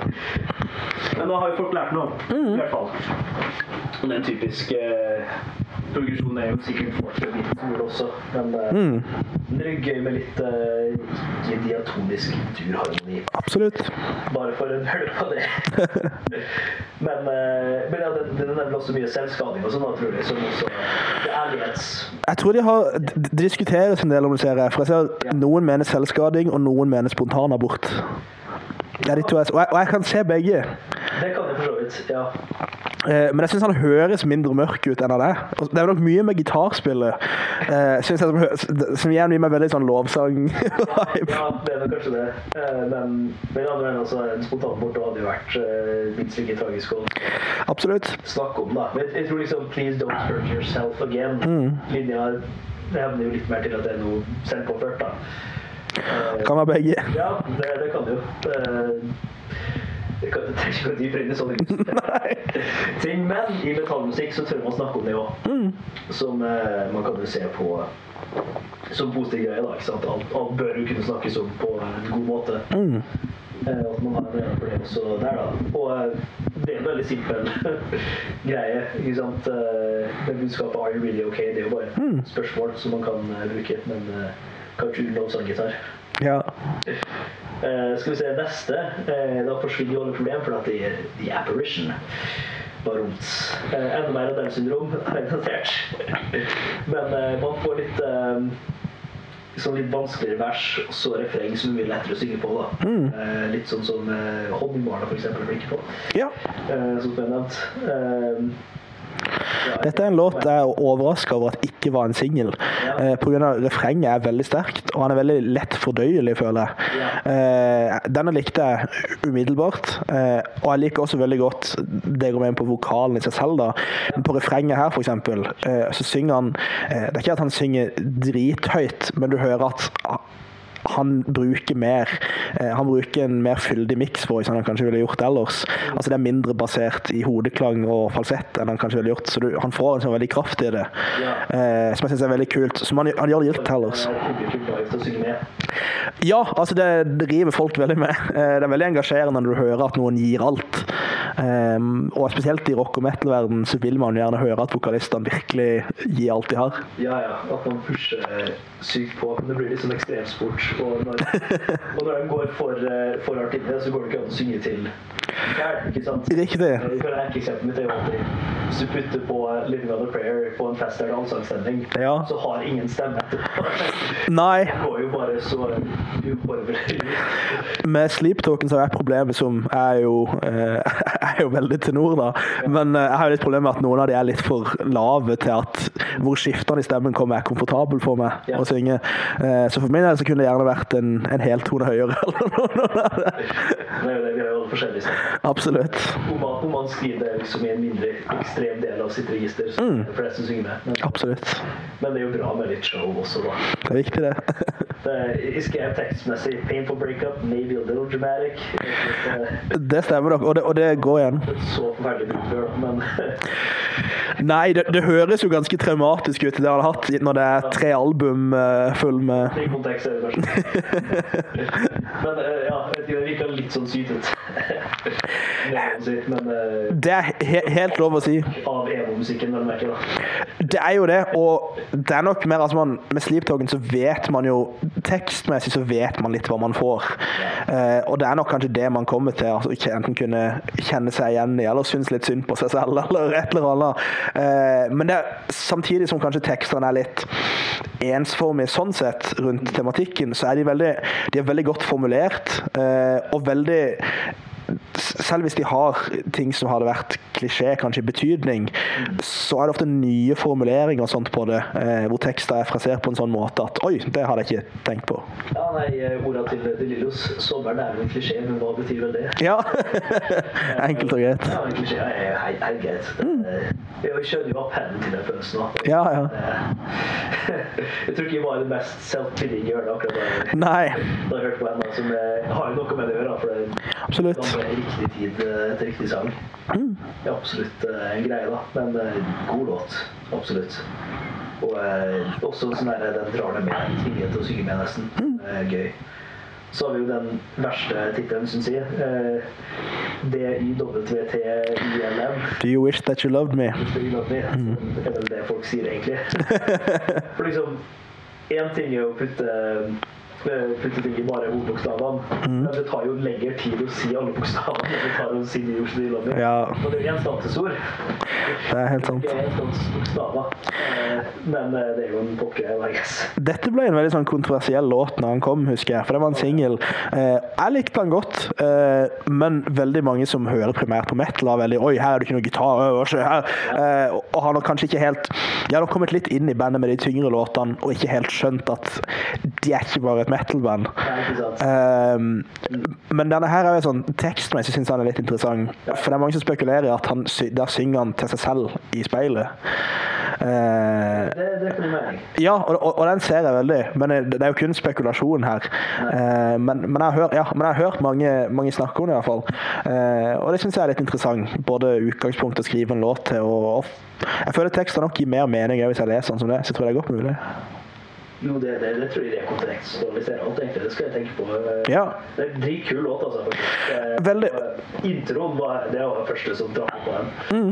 Eh, For det, det er jo sånn der syntaktig riff. Mm. Um, Hvordan skal bryte ned her? Det får vi sikkert ta en lengre sånn der Adrian forklarer i bakgrunnen. Eh, Men eh, det er liksom forskjellige toner i forskjellige register Mm. Så bytter et par av dem for å bytte akkord, men alle har hver sin rytme. Ja. Så bør det skape en sånn uforutsigbart mønster som når du hører det første gang før vokalen kommer inn, før trommene kommer inn senere, så er det litt vanskelig å plassere takta Ja. i introen.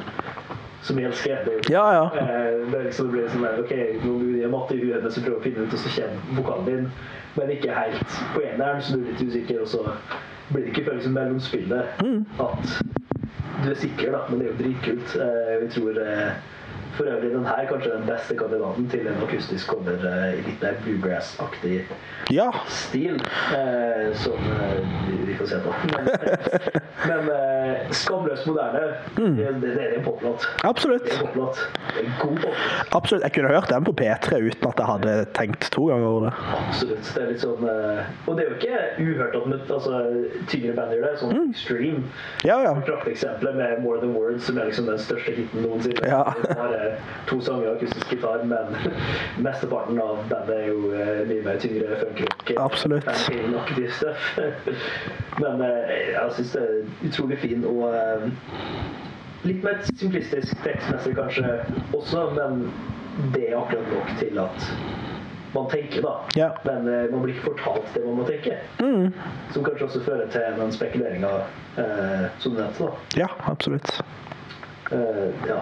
Men jeg liker ikke, jeg liker ikke måten de har skrevet tittelen Nei, det er, det er jo et stilistisk valg. Jeg skal respektere at det er valgt, altså. Men eh, det er liksom når, når det blir vanskeligere å si forkortelsen. ja, det er jo litt som uh, OMG og Oh My God. Ja, sant. Eller uh, det, det er også bare sånn teit vits her, men eh, Identification. At vi forkorter det med ID. Ja. For I for I. Identification. ja, det er sant, det. Superteit. Skal vi se, neste låt er jo Rain. Ja. Som du gjør her ute i dag, eh, for dem som eh, bor i Kristiansand eh, tirsdag kanskje 26. i dag.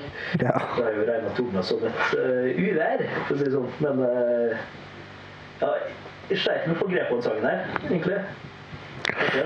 Denne var ganske umiddelbar for min del. Eh, han begynner jo med et sånn eh, nokså enkelt pianoparti og vokal, eh, og så kommer det et refreng som, hvor det blir litt mer poppa.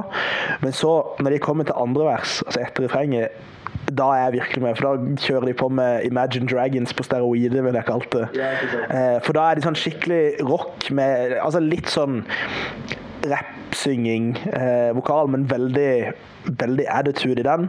Eh, og så hører du bare de bygger opp gitarene mer og mer fram til åttestrekene er på plass. og bare du, du, du.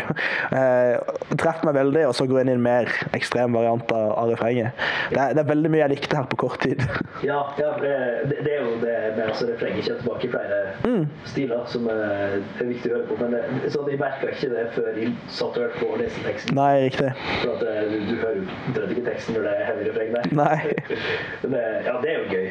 Men eh, ja, jeg bare med å liksom plassere den i uh, lytteuniverset. Det går jo igjen med mye av det de har her, og det, det tar litt tid å bli klok på. Eh, og jeg sitter jo med mitt inntrykk basert på en som hadde hørt på bandet før de kom med plata, eh, som nok er et helt annet inntrykk enn du som sjekker ut denne plata som første du hører fra dem. Ja, absolutt, fordi sånn så langt har jo progresjonen vært at liksom flere og flere ting vokser på meg, så Mm. det hadde vært spennende liksom eh, om vi har hatt tid til å flytte podkasten her, egentlig. Ja. men det går ikke. Eh, men eh, jeg skal nok eh, gi plata her flere litt uansett. Ja. Det gøy å se progresjonen og se hvordan ting modnes. Absolutt. Og så er det noe med òg eh, jeg, har jo sett han etter jeg har hørt de andre platene, og det er noe med å se han i kontekst av utviklinga og kontekst av tidligere låter og alt mulig. Eh, og det er masse sånn små tekstreferanser til tidligere låter og, og alt mulig. Eh, og òg når man ser det som at det er tre album som er en trilogi, eh, som er ment å være tre plater. Og det går ikke bare på tekst, men det går på hvordan låtene siste, for eksempel siste låt på forrige plate slutter i samme key som Chokehold begynner på, og så slutter den med støy. Altså du kan tenke, du kan tenke at han sitter i samme rom og så bare fortsetter. Ja, ikke sant? Så mest sannsynlig kan du høre alle platene i strekk som en eh, mega-trippelalbum eh, en gang du har god tid. Absolutt, og det kan jeg komme videre til med enda en låt etterpå. Ja, nice. Mm. Da kan vi jo ta Take Me Back to Eden, da, som er den lengste. Den lengste. En av mine absolutte favoritter fra plata òg, title-tracken. Utrolig ekspansiv. Ja, Vanskelig, vanskelig på, veldig. Den er jo også en veldig sånn statement-thesis, som du kalte det. Ja. Eh, hvor han har Definitive, nesten. Ja, altså den er jo title-tracken. Den, den er jo plata på et vis. Ja, Eh, og er der òg du har de fine, rolige pianodelene. Du har hiphop-greia igjen. Du har kanskje tyngste på hele plata. Eh, Ja. ja, og så har du veldig fin blanding av piano og tyngre ting også før de går inn mot siste refreng. Eh, for ikke snakke om tonale endringer her med key changes de gjør og, og alt mulig. Bytte mellom durfølelse og mollfølelse og alt. Ja, det, det tenkte jeg på. Det blir eh, ja, i tredje vers. Mm. Det liksom fordi Starten er ganske depressiv, bare. Ja. Alt, eh, alt det gjelder, liksom. Men så når vi kommer til tredje vers, så er det bare sånn Ja, det her er veldig tydelig plutselig tur. Ja. Eh, og du gjør også liksom ok, det er en kamp eller et eller annet, at du kjemper mot noe. Ja. Eh, fordi det er jo mental health. eh, veldig, mm. mental health-sang. det, det er vel partien når det er, det er vel da han, han synger I don't know what has got its teeth in me, but I'm about to bite back in anger. Ja. Som jeg syns er en veldig bra ordlagt setning. Det er liksom OK, jeg har ikke lyst til å føle meg jævlig lenger, nå skal jeg Nå skal jeg slås tilbake. Ja. Som er vel eh, måten menn mentale Snakke om det, nei. Nei, Skrive tre album om det. Uh, gjerne. Så lenge det er anonymt. men, altså. Men, eh, ja, det, for den progresjonen er veldig kul. At man også finner inni en låt, og ikke bare gjennom et album også, ikke sant? Eh, som er jo hjelper med thesis statement-greia. Absolutt. Og sånn også, hvis man skal sette fingeren på en tekstting her, så føler jeg det at eh, Litt tilbake til det jeg snakket om med klisjé tidligere, hvor refrenget her er eh, My, my, those eyes like fire, I'm a winged insect, you're a funeral pyre. Som bare er en komplisert måte å si moth to flame. Yeah. men høres kjempekult ut. Det er, det er mye mer billedlig. Jeg føler man virkelig ser det for seg. og sånt. Veldig malende. Uh, jeg som syns er veldig flink til å bli den sjangeren, mm. men uh, Sarah Jerose, uh, som er en sånn eh, bluegrass-aktig låtskriver, men hun har en plate som heter World on the Ground, eh, som er tror, tror den treffer veldig bare fordi at hun synger liksom om eh, lille bygda hun bodde i Texas eh, der hun vokste opp. Ja. Og det får meg til å tenke litt på lille bygda hun bodde i Canada. ikke sant? ja. Eh, og Texas og Canada, så det er jo eh, Ja. hele, hele sør-nord til USA selvfølgelig forskjellig natur, men det er fortsatt veldig mye av kulturen Riktig. er likt. Altså, snakker veldig om det, men hun er veldig billedlig i liksom bare følelsen av trærne som er langs veien. Ja. At det liksom eh, Det er noe med det at du liksom får fram kvaliteter til noe simpelt. Mm. Og Noen liker ikke at språket i tekster blir veldig metaforfylt og grandiøst, sånn, men når du kunne bare sagt det Ja. Men samtidig, når du sier det litt mer komplekst, så kan du få fram flere nyanser av tingen. Så en veldig enkelt statement blir jo lest på skjermen alle sammen. Mens hvis du har lyst til å få fram litt mer Ok, Matter of Flame, det er ekstremt. så kan du ikke gjøre på den måten. Det er veldig sant, og det er veldig interessant. Eh, Og egentlig så er jeg nok kanskje litt mer kritisk til sånn voldsom bruk av metaforer og sånt. Men jeg tror forskjellen for meg går på at og det går veldig mer på følelsen jeg får av det. Men hvis jeg får en følelse av at her har ikke artisten egentlig noe å si, her er det vage metaforer for å fylle tid, eh, så er jeg veldig kritisk til det. Men hvis jeg føler på vis at her er det noe veldig spesifikt artisten vil få fram, men legger det uansett fram på et vis sånn at man kan tolke det sjøl, er jeg veldig for det. Men jeg føler nok at metaforer er blitt en krykke for veldig mange låtskrivere som ikke egentlig vet helt hva de vil si. Enten det, eller at de ikke tør si det direkte. Ikke ikke sant? Og resultatet blir jo på vis det samme, da. Ja, ja. Nei, absolutt. Altså, man burde si det så enkelt som man kan. Ja. Og til det en kompleks ting man vil si. Da må man si det komplekst. Absolutt. Det er en grunn til at Dostojevskij-bøker er så lange. Det, det, det har noe enkelt å komme fram til. Nei. ikke sant? Men det, det fikk meg til å tenke litt på det Det blir jo gammel internett og enda litt sånn sidebar, men eh, det er en eh, nettside som senere ble en YouTube-kanal som heter The Dictionary of Obscure Sorrows. Ja. Som eh, Det var et prosjekt, jeg vet ikke om det er en eller flere folk som står bak det, men den finner bare litt på ord for følelser som ikke fins. Altså, det fins ikke et ord for det. Liksom. Okay, ja. Um, og liksom, jeg husker ikke hva ordet var, men det var liksom den derre Den unike roen du får når du sitter inne mens det regner ute. Ja. For eksempel. Eller eh, Interessant. Eh, eh, som forskjellige former for savn. Eh, alt mulig rart. Liksom alle, alle er veldig sånn eh, svarte og såre. Så på YouTube-kanalen de hadde jeg tok en aktiv lenger, da, men en fin mm. Eh, så har de jo liksom litt lengre forklaringer, da, lest opp av en eller annen skuespiller med ja. footage og stuff. da. Men eh, er poenget med sidebaren her er jo det ikke sant, å spesifisere litt mer komplekse følelser og sånne ting. da, ikke sant, Hvis det ikke fins et ord for det, eller ja. i en sang, så er det ikke altså, Musikk handler ikke bare om liksom, uttrykke følelser, men det er jo en veldig stor del av det. Ja, ja. Så eh, å bruke litt tid på liksom, artikulere ting på den riktige måten tror jeg er viktig. Da. Gode tekstbilder har jo 10 000 forskjellige varianter av en viktig linje. Mm. Helt til den finn den som passer. Absolutt. Og, og sånn jeg kan plutselig, eh, når jeg skriver låt selv, så kan jeg plutselig bare komme på en setning som har ingenting å gjøre med låta jeg skriver der og da. Eller det kan være mens jeg ikke skriver en låt, jeg, bare, jeg får en setning i hodet, og så har jeg et sånn dokument på telefonen jeg skriver ned. Og så ser jeg plutselig sånn etter fire måneder, så setter den setninga perfekt ord på et eller annet jeg føler akkurat da. Og da er det sånn Det er litt sånn selv, selvoppfyllende profeti, kanskje, men da er det deilig å kjenne man har tatt vare på det. Ja, ja altså inspirasjon kjente jeg som forberedt. Ja, ja. så det, det, er jo utrolig, utrolig kult, egentlig. Eh, det får jo også, for å ta musikkparallell til også, da eh, det er jo eh, John Williams. Mm. Eh, når han skal finne hovedtemaet til en film, ja. så gjør han samme greia. Han skriver sånn opptil 20 forskjellige varianter ja. av nesten den samme melodien. Mm. Og så går han sammen med regissøren ok, hvilken Føles riktig. er best. Ja. Og Et gøy eksempel der er jo Indiana Jones, som har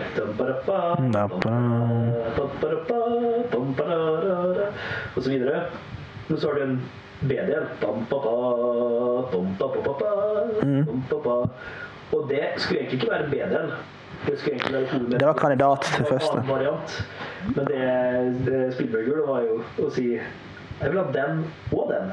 Ja. Sett dem sammen. Og da, da fikk du uh, ja. Veldig interessant. Uh, bare for å, å, skli tilbake til 'Take Me Back to Eden'. Uh, det, er jo, det er jo nest siste låta på plata, uh, men det litt interessante er at jeg regner dette som closing tracken på plata. Ja. og det er fordi at når jeg snakker om tidligere at dette er en trilogi, ja. så er det Jeg føler denne avslutter plata. For her har det mot slutten. Så begynner de å kaste tilbake vokalen fra Chokehold, eh, åpningstracken, inni her. Eh, og avslutter liksom hele Take Me Back to Eden. Eh, og så kommer neste låt med fade-out på et breakdown igjen. Eh, eh, så jeg føler der er på vidt plata ferdig, og så deler det seg inn i siste låt, som heter Euclid, som da er slutten på hele trilogien av av album. Eh, jeg kan si, her gjør de igjen litt samme greia som de gjorde på forrige med Chokehold. Bare her refererer de tilbake til første låta på første album, eh, som heter 'The Night Does Not Belong to God'. Eh, så det er Hvis man liker prog, så er det veldig progressiv låtskriving her, sånn albumformatmessig. Da er det mulig at tittelen kan være interessant, fordi Euclid er jo eh, Jeg måtte google altså, ikke så Ja. De visste at han var en gammel greker. Det er jo triens far. Mm. Ja. Trekant er viktig. Ja. Syns jeg trilogien med trekanter den, Den er veldig interessant. Det har jeg ikke tenkt på. Den, hvis den begynner tilbake til første låt og det siste låt i Ja. trilogien, så det er kult. Om det, om det er det man tenker. Det er mye, mye law her, men det, det gir veldig mening, det. Eh, så, og, og den har nok en litt sånn Jeg vet ikke om jeg skal si glad, men litt sånn uh, bittersøt følelse, føler jeg. Jeg skrev eh, triumphant skråstrek optimistisk. Ja. Eh, ja. Ja, for det slutter jo med en slags aksept på hvordan ting er. Ja. Uh, når han sier vel uh, I know for the last time you will not be mine, so give me the night, the night, the night. Uh, som er samme tekst som han synger på første låta på første plate. Med samme pianounderlag og, og alt. Så Altså, og Det er en veldig interessant måte å slutte på, for den, den teksten kan liksom også bety flere ting, føler jeg. Eh, de har jo bygd alt veldig rundt søvn og sånt. Eh, de heter jo Sleep Talking og alt. Eh, så når han liksom sier 'give me the night', så føler jeg det kan bety så mye forskjellig. Det kan være 'gi meg denne siste natta med deg'. Det kan være 'gi meg natta, gi meg søvnen min tilbake'. Eh, ja, det kan, det kan bety så mye. Jeg syns det er veldig sånn kul, litt open-ended slutt, alt fra hvordan man leser det, da. Men det, det gir en smak om at liksom Det har vært tungt, men det er et lys i enden av tunnelen. da. Mm. Som det, liksom, det, det, det er jo litt sånn aftercare som vi snakka om igjen, da, sånn sett. men at det, det er liksom Ja. Det går bra. Nå er jeg ferdig. Eh, det kan det, men så må du tenke at siden det avslutter med denne teksten, som også er på første låt på første plate, så kan det også repetere Ikke sant? Og hvis vi snakker om geometriens fag, så kan vi også snakke om sirkel. Eh, og da kan du snakke om OK, er dette bare en ny loop hvor vi skal gjennom det samme igjen? Det ender nok parallellogram til slutt. Så lenge det ikke er pentagram, holdt jeg på å si. Ja. Eh, en veldig kul låt. altså Veldig sommerslig. Litt sånn sommerrock-følelse. Men med veldig tunge gitarer, tidvis. Ja, Men ja, ja så det er en morsom uh, greie, for så vidt. Vi begynner å bli lang episode. Det er bra, det. mm. Vi har fått sagt det. Ja. Men uh, med, altså, rockesjangre, metallsjangre og sesonger Ja. uh, jeg føler Jo mer ekspansiv og liksom dyp produksjon det er, ikke sånn som her når det er litt piano, litt synt og litt forskjellige ting Det, det, så Utenom sjangermessig også, men bare Når det er såpass mye som skjer, så føler jeg det er litt mer vinter- slash høstmusikk når du begynner å roe deg ned. Ja. Sitte mer stille, du har tid til å liksom, sitte og lytte, du er ikke så aktiv i dansing og sånn. Men liksom eh, sommer, eh, hvis man er i det tyngre, så er det liksom flash. Ja. Du skal være aktiv, ikke sant? Eh, Du skal bevege deg, du skal være virkelig på. Men eh, gjerne også og kanskje bare vår nesten, da. At det simpelt. Det er liksom to gitarer, bass, tromma, vokal, og det greier å skinne alt veldig tydelig. Uh, totalt random, altså. Men uh, gir jo mening som sjangermessig hvilken ting som hvilken årstid. Men det er, det er litt mer sommerlåt. Ja, veldig. Eh, og, og litt sånn Altså, de bryter jo konvensjonen i hver eneste låt på plata, eh, men denne er litt sånn det virker som han følger mange konvensjoner bare fra andre sjangre enn de primært gjør. Ja. for han har alle karakteristikkene av en bra sommerlåt, føler jeg. Eh, det bare kom på et uventa tidspunkt fra uventa hold. Ja, det er liksom eh, mer rockestetikk, men eh, Ja. Fordi det er sånn hele mine master eh, konsert og eh, det som jobber vi med i masteren, for det er bare sjangerblanding. Ja. Og ulike måter man gjør det på. Jeg skulle sikkert dratt opp det her først, men siden sjangerblanding er kanskje det største virkemidlet eh, sånn utenom bare det vokaldrevet kan vi jo hoppe inn på det her, da. Eh, skal prøve å oppsummere alle mine masterskriverier i to minutter, men eh, men det er mange forskjellige elementer man kan ta når man skal sette sammen ting. Jo flere, jo flere kokker vi ser, altså jo flere ingredienser, jo vanskeligere blir det også. Men et så veldig viktig skille er jo estetiske forskjeller og musikalske forskjeller. da. Så sånn som vi sier at plata er mest en litt mer kompleks, progete, men for all intents and purposes popplate, Ja. så er det den mesteparten av låtspillinga og strukturen og sånn er mye mer i et poplandskap enn i et hovedsakelig metallandskap. da. Ja. Men det er veldig mye metallestetikk i form av ikke sant? Som du sier, alle låter har en dropp, og droppa her er jo definitivt metall. Ja. Eh. Og eh, tekstlig så er det også mye liksom, tema ting som ligger litt mer i metall, men så har vi også hiphop-rim og funk jams og ting og tang. da, Men at man, man kan se på da estetiske element som liksom hvilke instrument du har med. Eh, eh, det er veldig tydelig. Ikke sant? Hvis du tar eh, og spiller Metallica, men på bluegrass-instrument, så Ja. det Metallica av Metallica, men da er det liksom musikalsk Metallica, estetisk bluegrass. Ja.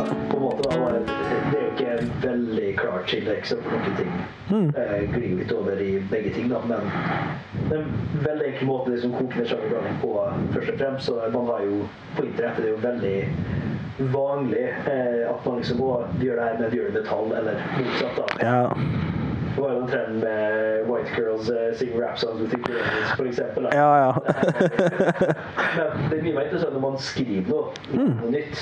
Ok, da liksom, ok, ja, vi er et rockeband, men nå skal vi nå skal vi gjøre en opera, eller eh, Ja. uh, whatever det er. ikke sant? Det er mange forskjellige uh, grupper som eksperimenterer på forskjellige hold. da. Men eh, estetiske og musikalske forskjeller Det ble veldig rollete, men eh, veldig nyttig, jeg tror jeg, måte å tenke på det her. Og eh, de her går jo med en osmose av begge to litt overalt. ikke sant? Som vi sier, at det er veldig tydelig at de forstår alle sjangrene sjangerne de går gjennom. Ja. Og bruker viktige elementer, og bruker de estetiske tinga til å formidle det det skal gjøre i den sjangeren også. da. For det er der sjangerblanding kan gå feil, er jo når eh, dem som blander, ikke helt skjønner eh, hvordan ting fungerer. Da, da er det ikke sikkert at alle lyttere merker det engang. Så, men så hvis noen som ikke hører på rapp, hører på noen rapper dårlig, så bare tenker jeg ja, det er rapp. Ja. For de er ikke vant til hva god rapp er. ikke sant? Mens hvis du er en rappkonsert, så hører du noen ikke kunne rappe riktig, så er det mye mer tydelig, da. Men, men, det er helt sant, men man kan også bare se for å tilspisse det enda mer, da. Ja. Sånn internt i sjangere man behersker, så tar det nok òg ofte litt tid bare å finne ut av de tingene. Eh, og jeg tror spesielt på vokal, eh, og der kan jeg snakke fra eget òg, for jeg tror det tok lang tid før jeg skjønte at det er forskjell på å bare synge og synge reint. Og det å eh, synge med eh, infleksjon og attributter som gjør at det er interessant, og gjør at du formidler noe ordentlig.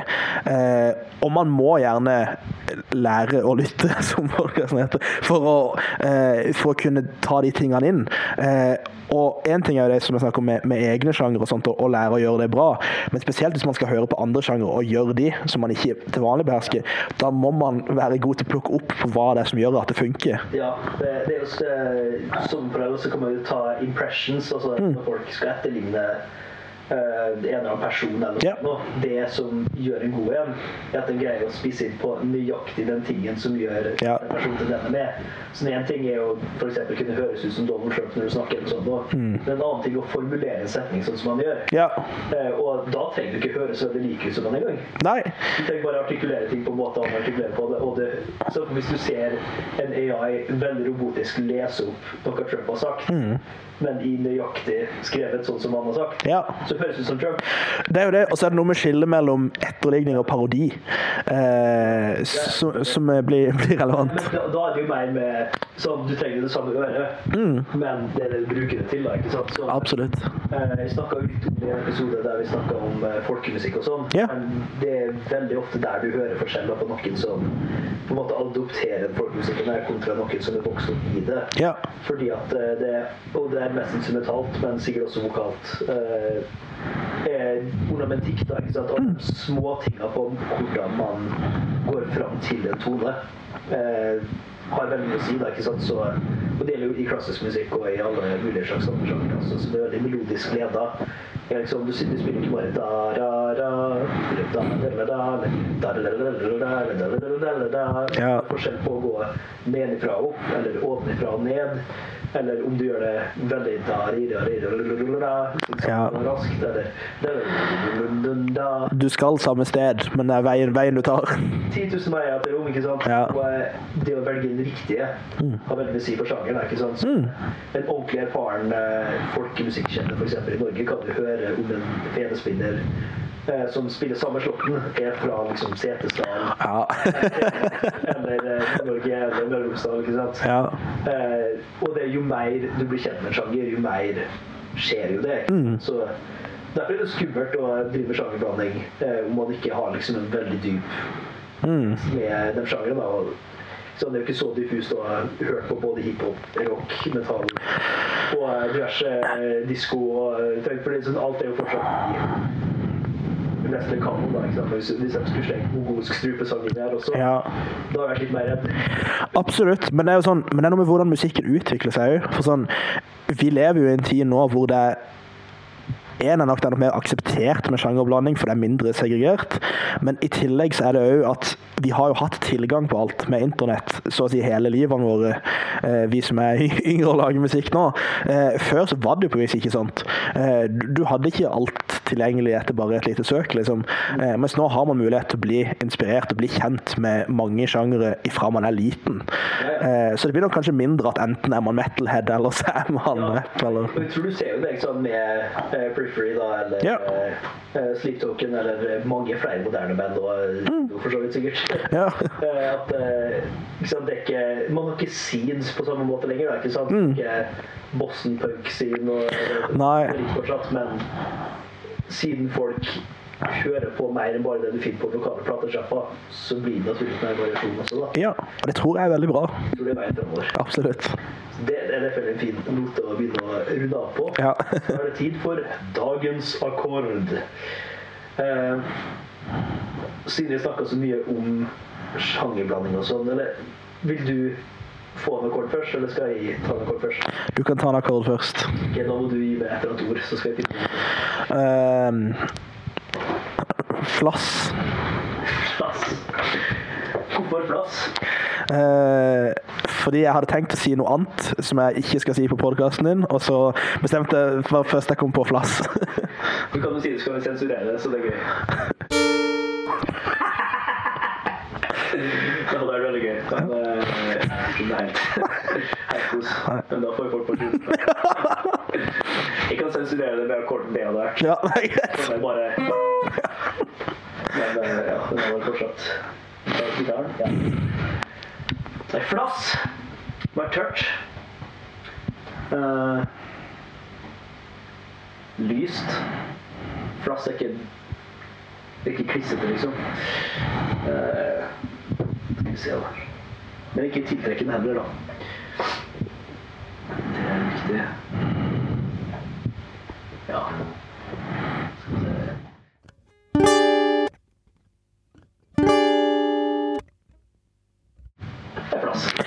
Kan jeg få lov å presentere en egen løsning på det? Ja. For det første jeg tenker på når jeg hører flass, Ja. er head and shoulders. Og da tenkte jeg umiddelbart at du kan spille en H, en E og en A og en D.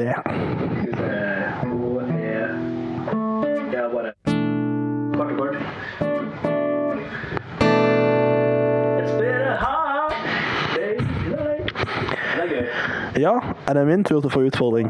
Skal det være din tur? Skal vi. Her er gitaren. Takk, takk. Ja. Du tenkte med sjangerblanding og eh, at det er mye forskjellig, så må det et eller annet som består av mange forskjellige eh, element. Eh, så jeg tenker kaleidoskop. Kaleidoskop, ja. Litt, litt slem, kanskje.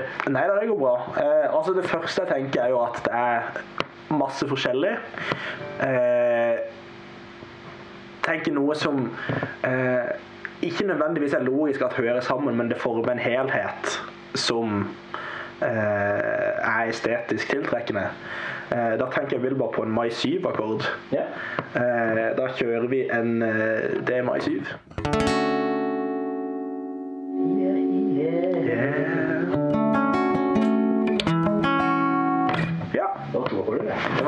bonus. Ja, det er bra, det. Den Altså. andre var for ordet jeg opprinnelig sa. Ja, skal vi se. Nei, Dritbra, altså. Da kan du jo si eh, nå å nærme nærme si tusen takk for at du var med, først og fremst. Tusen takk for at jeg fikk lov til å være med. Det ble jo enda en eh, lang, men innholdsrik episode. Eh, En time og tre kvarter. Ja, sterkt. Veldig sterkt, men jeg, jeg tror vi skal ha den i én del, faktisk. Ja. Vi starta jo nok på å prate hver sang Mm. Relativt tidlig. man bør høre på en plate. Man bør det. Plata anbefales forresten. Ja, det, det gjør den.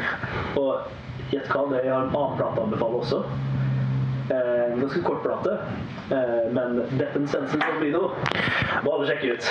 Undertegnede kan også anbefale den. Kunne du oppsummert Death som er en kort? Eh, ja, ja. Um, Må ikke være slem. Nice, nå ringer de på klassekorden. det gjorde det. All right, tusen takk. Da Hvis du har noe annet å si, Ha det på badet. ha det på den gamle sjokolade. Er den ikke god? Så spiller han i ro.